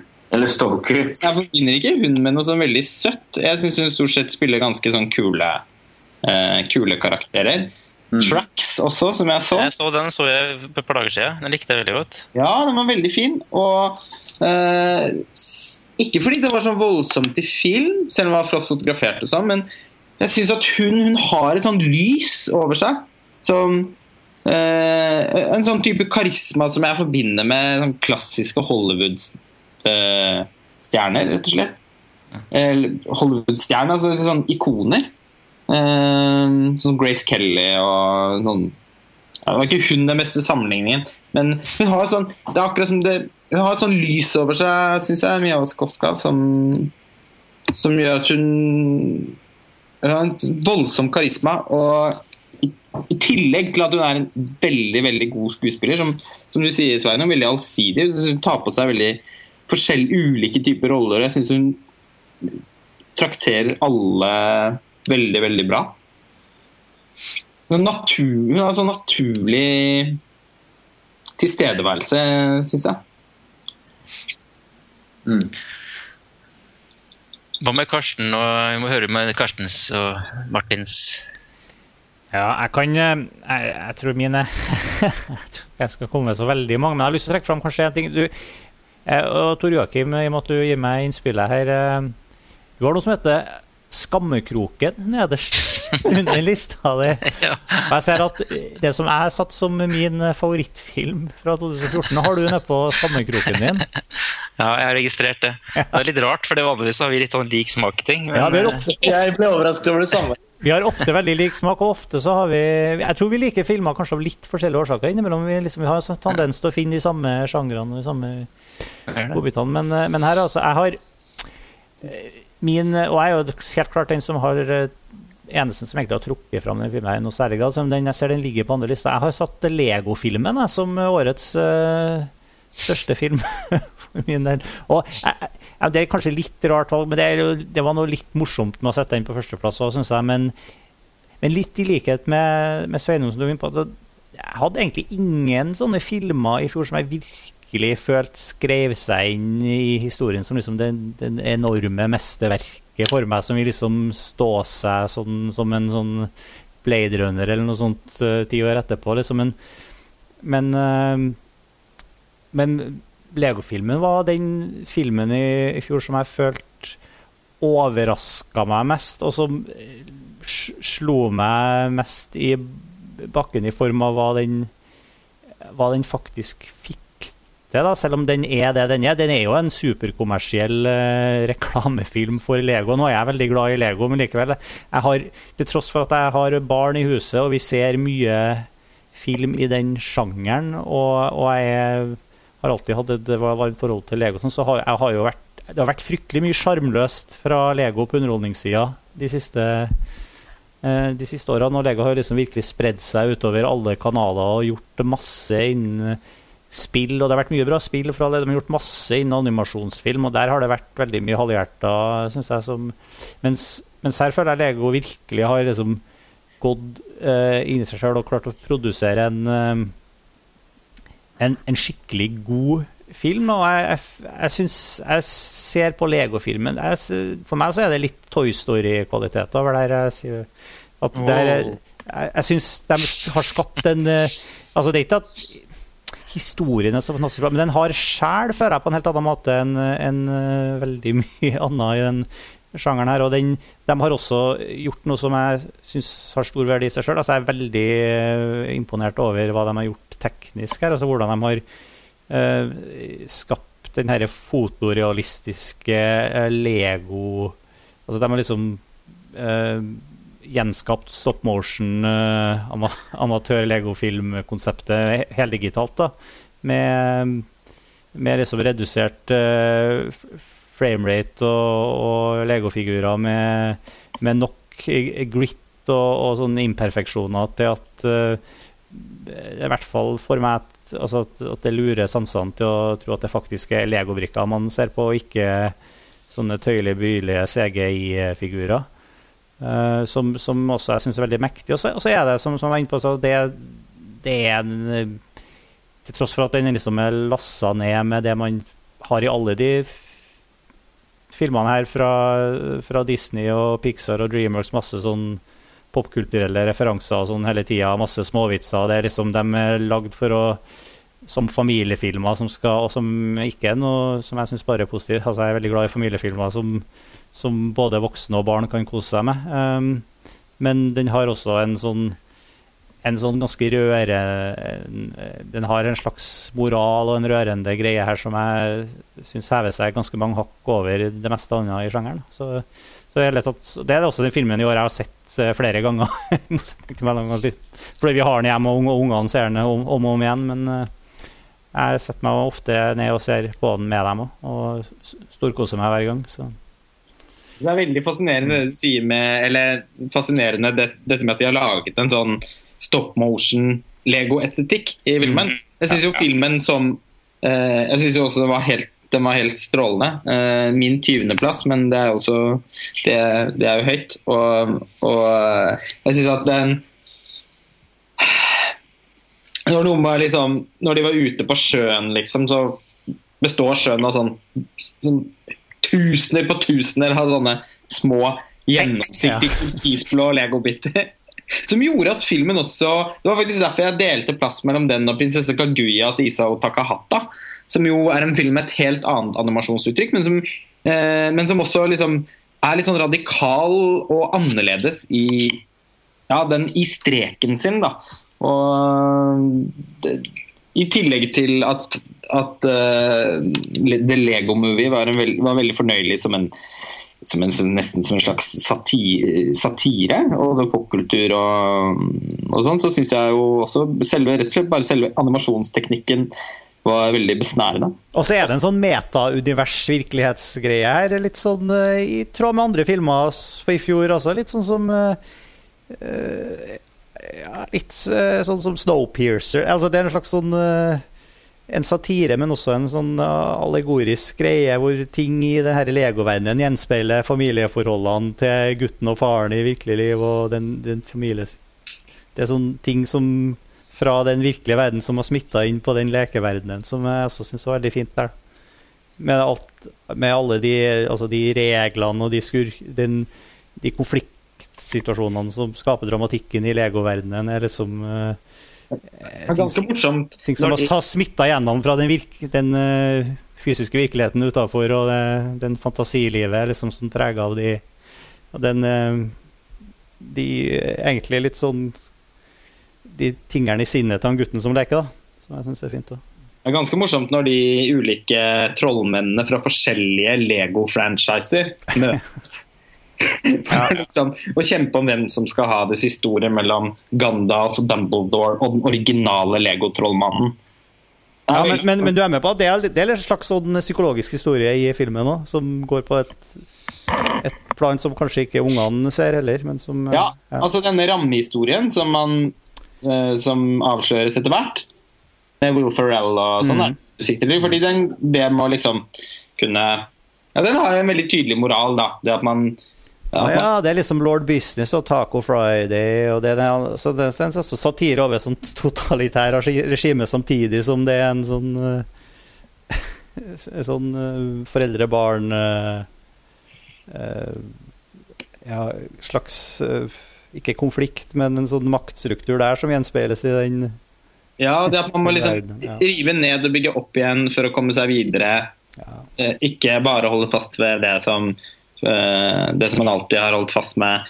Den, eh, husker Det var jo alltid et dilemma det. Når man hadde bygget noe utrolig flott i Lego, så skulle man knase det for å bygge noe nytt igjen, eller skulle man, stå, skulle man da dag ut og dagen sitte og se på det fantastiske man hadde bygd. Eh, det varte som regel en ukes tid hvis man hadde bygd noe spesielt flott, og så innså man at nei, nå har jeg faktisk lyst til å bygge noe nytt. Så det, så det er lov å ikke følge bruksanvisninga? Nettopp. Og for alle som har lekt med Lego, så så er jo også filmen en påminnelse om hvor morsomt det var. Eh, altså Det er selvfølgelig absurd at uh, nå har det selvfølgelig kommet en helt ny serie med produkter fra Lego basert på filmen, selvfølgelig, som veldig kalkulert, hvor det er masse som nå ser ut som mer tilfeldig sammensatte Lego-ting som folk bygger uten å følge bruksanvisninga, men som selges selvfølgelig innpakka med bruksanvisning litt sånn mash-up-figurer fra, fra, filmen, da, som egentlig skal være sånn kaotisk tilfeldig sammensatt. Men som Her har de bra utgangspunkt for oppfølger. men Tor Joakim Skammekroken? Jeg skjønner ikke hvordan det er mulig. Ja, det var... Lego da du var liten. Nei, jeg likte, jeg likte, ikke noe særlig med Lego. Jeg skrev romaner, jeg. det var årets beste så langt. Nei, men altså, har, det, er nok noe med det der med at det er litt anmasende. Ehm, jeg tror jeg er jo litt eh, allergisk mot akkurat det der med anmasende ting. Og jeg føler jeg klarte ikke å komme over det uh, i den filmen. Men jeg skal innrømme at jeg ikke har sett den siste halvtimen. da. Jeg klarte ikke mer. det var litt for mye 'everything is awesome'. Ja, litt for mye sånn. Så det, så det var så ille at du at på en måte Skammekroken også fordi det var en av de sjeldne filmene men du liksom ikke klarte å se ferdig. Yes, det er helt korrekt. Det er Da har du jo noen gleder og overraskelser som Å venter ja, det var, det var din skammekrok, ikke filmen som ja. Det var du skamma deg over at ja. Et veldig metaaktig Skammekroken. ja, det er Det, sånn. ja. Men du, sk men altså, du skrev romaner istedenfor å bygge med Lego. Det er jo bare helt uh, Det er helt uh... Jeg gjorde ikke bare det, jeg laget jo tegneserier um, og eh, en del andre ting. Tenker dette er Lego-oppfølgeren, det. Nei, Så hadde jeg sånne figurer, da, sånne som Star Wars, nei, sånne Masters of the Universe og He-Man og Mask. Det var min mashup. Jeg hadde liksom figurer med Hulk Hogan møter Darth Vader i en mashup med Tarzan, Fantomet og He-Man. Sånn, det da, da hadde jeg det gøy, da. Men Lego? Nei, jeg vet ikke. Det var liksom ikke et eller annet eh, Aldri noe som fenga meg der, altså. kommer jeg til å tenke på til sammen sa Lukas Modersson med han som, ønsker, han som heter Tett. Oppkalt etter Tett-offensiven, som ønsker seg så veldig Lego, som var Lego-biter av tre. Som det tar liksom ukevis å lage hver bit. Høres litt mer ut som min oppvekst. egentlig. Ja! Jeg skulle til å nevne det. Det kan jo tenkes at, uh, at, at eh, Steinerskole-virkeligheten du kommer fra, Karsten, hadde noen element, no, noen islett av det. Ja, det er veldig mye parodi man kan si om Steinerskolen. Jeg levde ikke i et sånt veldig karikert Steinerskolehjem, så, så, og jeg gikk ikke på sånn Steiner-barnehage og sånn, så det, det var ikke preget ikke så hardt. Men, eh, Ødelegger du illusjonen, føler jeg. men uh, vi hadde ikke TV, så, så du kan jo ta utgangspunkt i det. Uh, nei, jeg er veldig glad i sånn male med sånn veldig våte ark. Fargene glir utover. Mm, Voksstifter som så vidt hadde litt farge i seg, sånn at man kunne tegne hvis man var heldig. Da kan jeg få lov til å klinke til og si at jeg eh, drev og kopierte Munch-malerier da jeg var barn, fordi jeg hadde sett Men Olsenbanden var ikke død, den 13. Olsenbanden-filmen. Eh, hvor, kopierer, hvor Valborg kopierer Munch-maleriet på Munch-museet. For at eh, Gjorde den retningen podkast. altså, Ja, nå blir det boyhood her. Boyhood, ass. Uh, og det, det Det igangsatte en veldig voldsom interesse for Edvard Munch. eh, som gjorde at da gjennom hele barneskolen det var kopierte Munch-malerier. Altså, da snakker vi altså, langt over 100 som fortsatt ligger oppe på loftet. Yes. I litt, i litt varierende kvalitet. Fascinerende. Litt for Ja, det, de, de, er ikke, de er ikke så like. Men jeg hadde det veldig gøy med det. Så jeg bygde ikke bare med Lego. Jeg fikk bygge litt Lego, jeg òg. Jeg syns The Lego Movie var uh, super. 20.-plass hos meg, altså. yes, Det er godt. Hva har du ellers på lista di, ja? ja, Karsten? Som, uh... Hva, hva sa du, Martin? har du ellers på lista di som, som fortjener litt eh, Ja, vi er på runde. Ja, Um, ja, nei, jeg har også The Lego Movie da, på 20.-plass. Uh, vi har en uh, skribent, eh, Mats Otsen, som introduserte det flotte konseptet tre filmer på 20.-plass. Da ble jeg så inspirert av da jeg korrekturleste listen hans at uh, da, da utnyttet jeg også 20.-plassen maksimalt. Og der har jeg faktisk fått plass til Jean-Luc Godards eh, film 'Adieu à langage'. Eh, som vi har en egen podkast om, så jeg skal ikke si så mye. Og jeg har utrolig mange ting å utsette på den filmen også, på sett og vis. Men vi sa det vel litt til hverandre da, Lars Ole. Det var vel bare du og jeg som har sett den filmen, tror jeg. At det var litt sånn Man må nesten bare velge å like det, heller enn å liksom ikke like det. Eh, og liksom de to tiårene Godara bak seg nå med bare sånn videoessayistikk, har jo ikke jeg satt meg inn i det hele tatt, så jeg føler jo ikke at jeg er noen ekspert eller noen ting.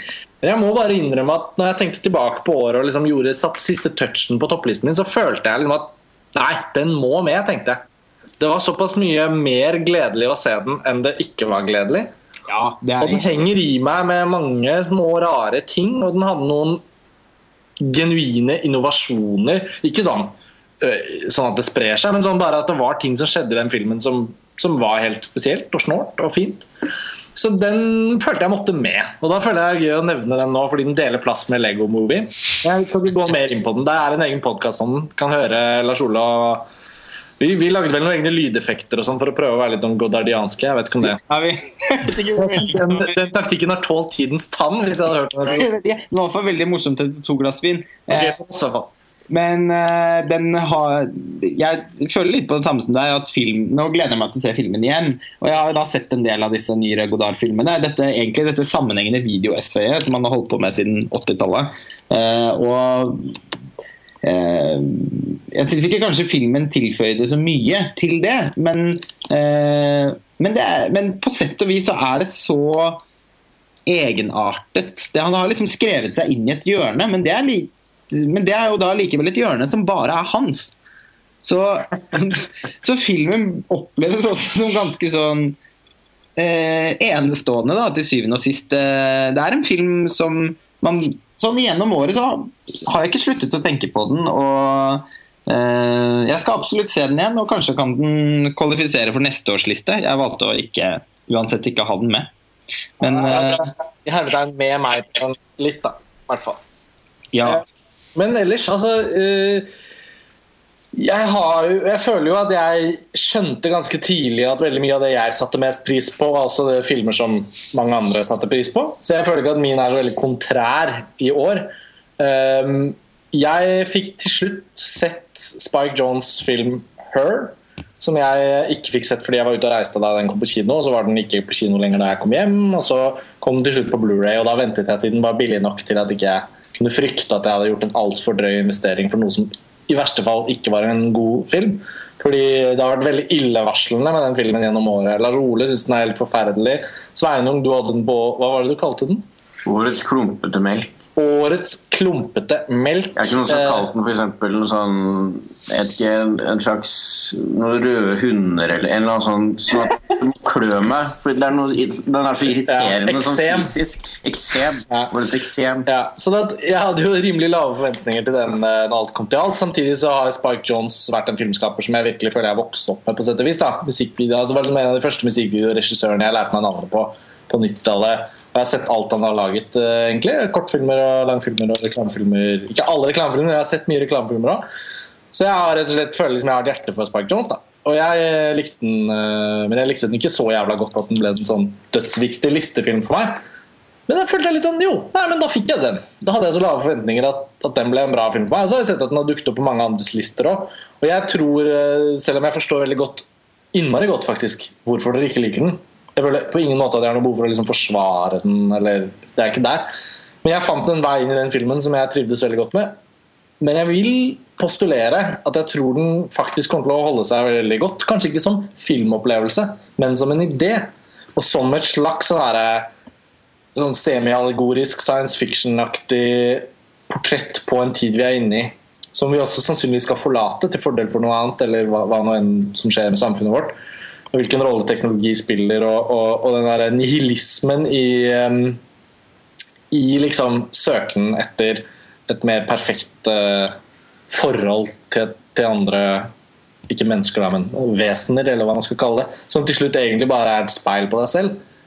Og det, det, det med at hun, eh, det, dette operativsystemet som Joaquin Phoenix' rollefigur forelsker seg i, er jo også programmert til å lære å utvikle seg. Og, og jeg synes på et tidspunkt i filmen hvor hun innrømmer at hun har 634 andre kjæresteforhold gående samtidig altså sånn, Da oppstår, liksom åpner uh, ideen bak filmen ganske mange interessante dører.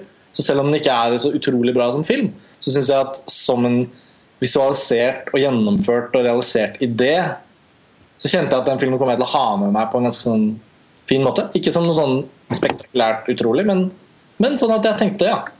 Jeg er glad for at jeg heller har den med meg som noe bra, enn at jeg skal gå rundt og hate den. Jeg er jo helt enig i at jeg syns også filmen som idé egentlig er veldig god. Eh, På forhånd så hadde jeg jo kjempehøye forventninger til filmen også. Både fordi at den hadde fått så, eh, så gode kritikker, og fordi at Husker jeg når jeg så traileren og, og leste om filmen, så tenkte jeg virkelig at dette kunne ha noe for seg. Men jeg syns jo det rett og slett var egentlig bare sånn tilnærmingen som jeg er veldig enig med Sveinung sin, eh, sine metaforer. Røde hunder. Det ble sånn kløframkallende. Det var nesten så jeg ikke orket å se på den. For jeg syns den var så, så fæl, rett og slett. En sånn forferdelig hovedkarakter. Eh, og et sånt sukkersøtt, eh, veldig sånn økologisk innredet univers. Det, var, noe sånn Liksom duften av te. Av nytrukket te si, det noe, jeg, jeg kan, klarer ikke helt å sette ord på det. om at Jeg liksom gått ordentlig inn i det og forsøkt å skrevet noe, tror jeg. Men jeg syns den filmen var helt jævlig, rett og slett. Også en av eh, de verste filmene verste filmopplevelsene jeg hadde i fjor. Den er på, på bunnlisten min nå. Ja, men jeg, jeg, det er noe med det, det at den liksom ser litt ut som en reportasje i D2 eller noe sånt, eh, gjør også at jeg, jeg tenkte ganske mye på filmen etterpå. eh, at den var så liksom gjennomarbeida og irriterende. At altså, skal det liksom være en kritikk eh, av liksom hvor samfunnet er på vei? Er det liksom en slags sånn nesten en apokalyptisk skildring? jeg, jeg, jeg, og så jeg liksom tenkt, er det jeg som er det egentlig, har, altså, har den virkelig lykkes i det den prøver på her, fordi at jeg syns den er så forferdelig? Eh, men så tenkte jeg nei, når jeg ikke klarer å hekte meg på eh, liksom emosjonelt og syns at nesten alt i filmen er så irriterende, og jeg ikke har lyst til å se den igjen altså da, da blir det min altså det blir det tommelen ned da, for meg uansett. Selv om kanskje Spike Jones har tenkt at, at han på en måte skal bruke denne ideen til å til å eh, ja, komme med en slags sånn advarsel, eller hva man skal kalle det. Da. Har han det i seg, da, hvis man spoler tilbake til bare Nei, liksom, det det. Things Are? Som også er en sånn hipster la, la, la, la, la, la, la, drøm. Jeg vet ikke, jeg tenker kanskje at Spike Jones ikke burde være filmregissør lenger. At han kanskje skulle jobbe med noen sosiale medier. Jeg synes du overdriver massivt eh, for å få fram et retorisk poeng, men eh, Det er litt for underholdningens skyld. Så, Ja. det er ikke det at jeg syns filmen er talentløst laget. Altså, det er bare det at jeg i likhet med Sveinung bare ikke kan fordra den. Eh, Kan jeg bare spole 90 sekunder tilbake? Fordi når du, når du tar en sånn eh, vinkling på at den kan, på måte, har den et sånt, helt sånn hypersubversivt poeng, som bare kanskje faktisk gjør den helt fantastisk, synes jeg, liksom, jeg tenkte på en ting etter å ha sett den. Den har den samme sluttbildet som Fight Club. Et par som sitter liksom i toppen av en høy bygning. Disse sitter på taket. I Fight Club sitter de liksom i vinduet der. I Fight Club så ser de byen eksplodere. Mm. Uh, og i Her så ser de bare på solnedgangen. Liksom. Ja. De slutter på samme måten. Og det er egentlig en del sånne der, ikke tilsiktede, da, men likevel litt sånn, for meg litt sånn lekne parallellmuligheter når man ser på Fight Club og Her ved siden av hverandre. da. Eh, hvor man kan si at den verste kritikken mot Her er å se på eh, Nå vet jeg at ikke du setter Fight Club så høyt, da, eh, Sveinung, men uansett. Alt det som er eksplosivt og radikalt i Fight Club, er på en måte pyntet på, uutforsket og liksom litt eh, antieksplosivt i Her. Hele filmen er som, liksom sånn, det er som et sånn dukkehus uh, for, eh, for 37 år gamle hipstere som skulle forlatt skateboardet for ti år siden. Uh, og, og, og jeg hadde ikke noe issues med det, men jeg synes også det var, sånn, det var en sånn utrolig merkelig staffasje rundt rollefigurene. Sånn at det nesten ble som sånn herre For meg ble ikke det eksem, jeg ble mer sånn herre Hva? Er, fordi det var så insisterende, akkurat som du sa. Men bare fortsette, er som Har den ikke noe ironisk distanse til det? Eller liksom, hvordan er det sånn, sånn, finnes det ikke noe. Og der tror jeg ikke det vi helt uh, er ferdig med Her. da hva nå enn det blir til, om vi plutselig innser at det kan bryte den filmen sammen og kalle den en av tidens mest mislykkede prosjekter. eller hva som helst. Jeg sitter veldig på godfot med Her, eh, og det er derfor den er med på listen. og sånn, Men jeg visste jo også liksom at det er jo ikke det at jeg bryr meg så utrolig mye om at den er så bra, men den føles liksom som såpass egen i den store sammenhengen. Og det er jo godt gjort at en film kan påkalle såpass mye, mye hudsykdommer også hos dere to. At, eh, at eh, det er litt sånn at eh, det er flottere I min bok er det flottere at den fremprovoserer disse tingene enn at den havner i sånt utrolig sånn dølt mellomlandskap. Da. For det har vært en del av de filmene i år også. Det skal utrolig nok til å være en så liksom sånn koseaktig film. Så, så, så, eh, så syns jeg den er vanskelig å forholde seg likegyldig til. Og, og jeg er også jeg er i det hele tatt tilhenger av tanken om at, at, ti, at, får, at tiden får de filmene tiden fortjener. Altså Den tiden vi lever i, får de filmene vi fortjener. Og det kan nok godt hende at Her er at, at den er veldig symptomatisk eh, for, for ganske mange ting, det er det ikke noe tvil om. Jeg syns vi skal gi den litt tid. og så kanskje, Jeg tror ikke vi kommer til å, vi kommer til å lage noen egen podkast av den nå. Det har vi jo snakket litt om, for nå fikk vi jo snakket bitte litt om den her. Men hvis man lar den gå noen år, så skal vi ikke helt uh, utelukke at det kan være litt spennende. Men, det var en av Ja, men på tross av det, syns du da Syns du den liksom er ender opp med å bli en spennende utforskning av dette med kommunikasjon og moderne former for kommunikasjon. og sånn, For det syns jeg virkelig ikke den lyktes med. Jeg syns ikke det var premisset. Jeg så ikke etter det i det hele tatt. Jeg følte ikke at det så Kommunikasjon og liksom sånn der at han går rundt med en slags sånn smarttelefon og sånn. Syns ikke det var Jeg syns jo synes ikke det var noe poeng. Ja, fordi Når han tar med seg Scarlett Johansson, dataprogrammet, liksom på da, Nei, men jeg synes ikke, det, sa det var så helt fiksjonelt. Det hadde ingenting med Jeg koblet ikke på det i det hele tatt. Det- Men nå føler Ja, jeg tror vi må avslutte den om Her hvis jeg skal bare oppsummere det med listen min. Men jeg tror eh, Jeg tror at de mest interessante spørsmålene den filmen kan vekke, litt er sånn som å komme når den får bli litt eldre. Og at, eh, og at det liksom ikke handler så mye om er den god eller dårlig. Det er jo Den fine fasen som filmen kommer i når de blir to, tre, fire år gamle, er jo sånn at det spiller plutselig ikke noen rolle lenger om den liksom er god eller dårlig, fordi totalvurderingen av den filmen har liksom landet litt. Kritikerne ble den populær, ble den ikke populær. Og så plutselig så er det sånn om filmer bare finner en sånn egen måte å holde seg i live på, og så, og, så, og så blir de noe, eller så blir de ikke noe, da. Og det var jo apropos det, sa det innledningsvis, at jeg hadde vært tilbake og sett på mine egne topplister fra 2009, 10, 2011, 2012, 2013 og sånn. Det er jo forferdelig å se filmer som er på sånn syvendeplass, fjerdeplass, niendeplass og sånn, som jeg aldri kommer til å ha en samtale om noen gang igjen. Så skjønner jeg hvorfor jeg, hvorfor jeg holdt den så høyt der for der og da. Og da tenkte jeg, på litt, tenkte jeg litt på det da jeg skulle plassere Hers. tenkte jeg sånn Jo, min spådom er at denne kommer jeg ikke til å angre på. Fordi jeg, jeg tror den kommer til å holde seg i live på en eller annen sånn merkelig måte. Enten ved at den blir verre, på en måte, men den kommer ikke til å bli liksom mindre interessant. Ja. Nei, men altså, jeg er litt med på Jeg må innrømme at jeg satt kaffen litt i halsen da jeg så at du satt den over Tom at the Farm, f.eks. for eksempel. Men, Ja. men jeg, skjønner, jeg, poenget, jeg skjønner poenget ditt. Den er morsom å snakke om. Og kanskje burde vi lage en tradisjon hvor man ser Her en gang i året. Til noen Oi, det var et drøyt forslag! Jeg gleder meg i hvert fall veldig til å se den for første gang. Jo, men det må du, Martin. Eh, for å bare avslutte det med listene, da, så vil jeg bare, uten å, gå, uten å gå inn på noen av disse filmene, så vil jeg si at jeg syns Dawn of the Planet of the Apes var utrolig bra. Den likte jeg kjempegodt. Under the Skin aner jeg ikke hvor jeg har. Så den har jeg plassert som en sånn X-plassering. Jeg, var så jeg var litt inspirert av deg også, Sveinung. Eh, Jeg var selvfølgelig den siste som gjorde ferdig listen min. fordi jeg skulle liksom Svein, eh, Lars Ole og jeg sitter og korrekturleser og liksom, til- for liksom, siste punktum her. Og du hadde en sånn X-plassering, du òg. Mm. Det var veldig flott. Ja, det var av, den, eh, av eh, Sin City-filmen som kom i år. Som, Sin City-oppfølgeren som er sånn ni år for sent ute. Ja, ja. ja. Og veldig, det var veldig sånn ble mottatt òg, med litt sånn uh, lunkne anmeldelser. Og selvfølgelig mye fokus på at kvinnen i filmen er framstilt eh, på en veldig lite eh, sympatisk måte, da, kan man si. Um, og den er veldig sånn ute av tiden på, på veldig mange måter. Men jeg, jeg syns den var eh, helt super jeg, som underholdning, og det, det må jeg bare stå inne for. Men samtidig så syns jeg det er vanskelig å anerkjenne filmen pga.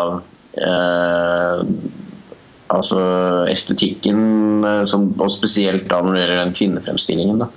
Da ble det en X, som jeg syns er en veldig fin ting å ha. Det- For meg blir dette en fast tradisjon at mellom 10. og 11. plass så er det en X-plassering. Som liksom ikke helt er en verdistilling, men som mer er liksom et spørsmålstegn. på en eller annen måte. Men det var liksom, Og utover det så følte jeg liksom at eh, ja, at jeg havnet vel på et litt sånt dølt sted med alle de filmene som alle liker. Jeg ble utrolig nysgjerrig på å se den Sin City-filmen. Ikke minst også fordi den dukket opp på Trond Johansen sin liste. Og da ikke som X, men som en reell tiendeplass. Og Trond er vel en av de menneskene jeg kjenner med sånn absolutt med sånn bunnsolid god smak. Eh, eh, selv om jeg har da absolutt inntrykk at den Sin City A Dame to Kill For er hovedsakelig ganske sånn bad taste. På en, men det er noe både liksom, Det at både du, eh, Sveinung, og han har, har trukket fram den filmen det, det hadde jeg, jeg hadde aldri trodd at jeg skulle få en vei inn til å se den. Men det har jeg nå fått. Ja. Så når den koster 99 på Blu-ray, så blir det med det. Yes, vi kunne ha fortsatt å snakke om filmer på, på listene våre.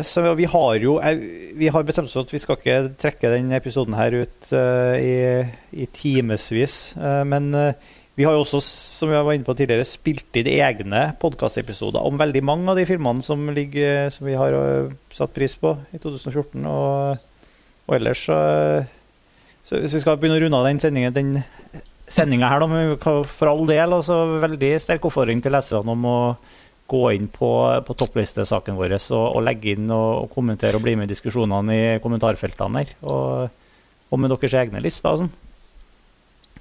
Det er i hvert fall uh, uh, Jeg vet ikke om noen, vi skal komme med noen oppsummerende ord.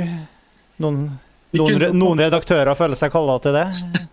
det? det? eneste jeg tenker, er vel at vi kunne, bare, vi kunne jo rett og slett bare tatt den samlelisten da, for de som ikke har vært inne og lest den, eller de som hører på, på Filmfrels separat fra å lese montasje. Så har vi på en måte da trukket uh, sammen filmene som går igjen på mange lister altså alle filmene på alle listene, og, og på en måte rangert etter poeng, rett og slett fra, ut fra plasseringer. Og da har vi på en måte endt opp med en slags sånn samleliste fra alle da, mm. som, som lagde lister. Og den, den er jo det var ikke de store sånne radikale tingene, men det, jo, det sier jo i hvert fall noe om trendene. Da. Og den filmen som er på førsteplass, det er da The Wolf of Wall Street av Martin Scorsese. Og Den er på min førsteplass, den er på din førsteplass, eh, Sveinung, og den er på din delte førsteplass, eh, Lars Ole. Yes. Og Den har vi jo en podkast om, og den har det jo vært diskutert mye om. Men eh, det må jo på en måte jeg føler ikke vi kan avslutte denne episoden uten å liksom si at Martin Scorsese klarte kunststykket etter liksom, fire tiår som aktiv, eller fem tiår som filmskaper. Og 70, hvor gammel er han? 72? Klarer han å klinke en sånn helt rabiat, fantastisk film? på bordet. Det er bare og liksom gamlemor Thelma Schoonmaker som sitter og klipper uh, sniffing oppi rasshølet. Altså, sånn, det er noe med at det er helt utrolig fantastisk at, at, den filmen ikke bare var bra, men at den liksom var sånn Han tok det så virkelig til, til et annet nivå. Eller i hvert fall hevet og gjentok kvaliteten han hadde i Goodfellas. Særlig. Så det er, jeg bare synes det er, det er viktig å si at det var liksom en unison favoritt uh, blant mange. Mm. Og det var ikke bare, jeg, eller, Du var jo med da Morgenbladet kjørte denne eh, Diagnose Samtiden-prosjektet eh, sitt. Så ble jo du og en rekke andre filmjournalister sånn i Norge intervjua, Karsten. Da var det mange av de også som trakk for det liksom den definerende filmen for vår tid. og ja, før, før jul, ja. ja. Det var en artikkel i Morgenbladet om det, hvor de mm. søkte å si hvilken film kan være det for, for vår tid nå som det Pulp Fiction for eksempel, var for 90-tallet i forhold til bare å være sånn populærkulturelt innflytelsesrik og liksom ta, ta, tempen på tiden og bla, bla, bla. bla. Ja, da, ja, da syns jeg den kom overraskende ofte opp. Ja, den gjorde det, men ikke Da ville jeg heller trukket fram Spring Breakers. Ja, nei, altså, du, du, hadde, du, du, hadde, vel Dark Night? Som du, ja, altså, jeg, ja, ja. jeg, jeg, jeg sa til Morgenbladet at uh, takk for spørsmålet, la meg komme tilbake til deg. Mm. Og så ble det vel noen timers eh, samtale, Lars Ole. Jeg husker ikke hvor mye tid Men det er jo et veldig spennende spørsmål.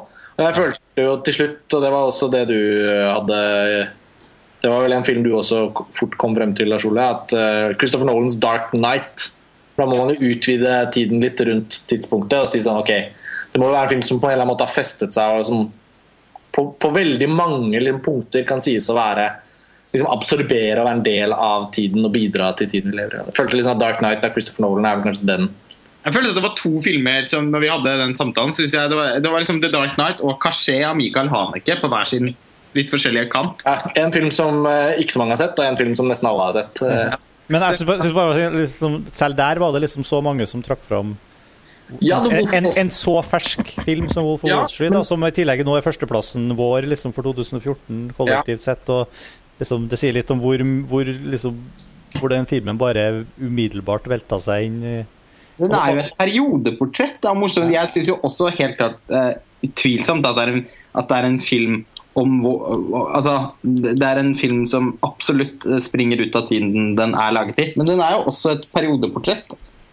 Uh, den, men den, det den vel understreker, er at uh, den jappetida da, som på en måte har blitt litt sånn ikonisert uh, At man på veldig mange måter med med liksom uh, man, de, Den tiden vi lever i nå, det er ikke nødvendigvis så veldig ulik fra, fra slutten av 80-tallet, begynnelsen av 90-tallet. Og den type jappementaliteten som var veldig rådende da, som man ser tilbake på det som gjerne ser tilbake på som noe, sånn, som noe som er forbi, men det, filmen mm, Ja, nei. Ja. Nå blir Det det blir, det blir en for lang samtale hvis man skal Ja, jeg bare kjente det. Vi kan ikke gå inn på, eh, på det nå, men vi har jo laget en podkast om filmen. Wolf of Wall Street, skal vi komme, gå litt videre på bare gå gjennom de, den topp 10-lista vår? Ja, Vi kan jo gjøre det på andreplass. Så er det da Gone Girl av David Fincher. Den har vi også snakket om på Filmfrelst. Tredjeplass Interstellar av Christopher Nolan, også diskutert tidligere.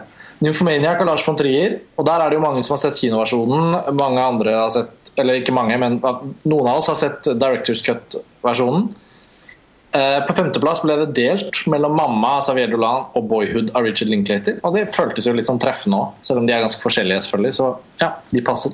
Sjetteplass The Grand Budapest Hotel av Wes Anderson. Syvendeplass Under the Skin av Jonathan Glazer. Åttendeplass Vintersøvn av Nori Vilge Jayland. Niendeplass Snowpiercer av Bong Joon-ho. Og tiendeplass Maps to the Stars av David Cronenberg. Så kan vi jo avsløre at på ellevteplass, som jeg hadde litt lyst til å ta med sånn der, This is Spinal Tap-messig, men det droppet vi. Der lå On the Lovers Left Alive. Og jeg måtte jo bare være stille da jeg snakket om den i stad, for den har ikke jeg sett. Men den men føler jeg også at jeg har kommet ut av denne listelesingen og listebladingen med en sånn veldig sånn Ja, den har jeg lyst til å se.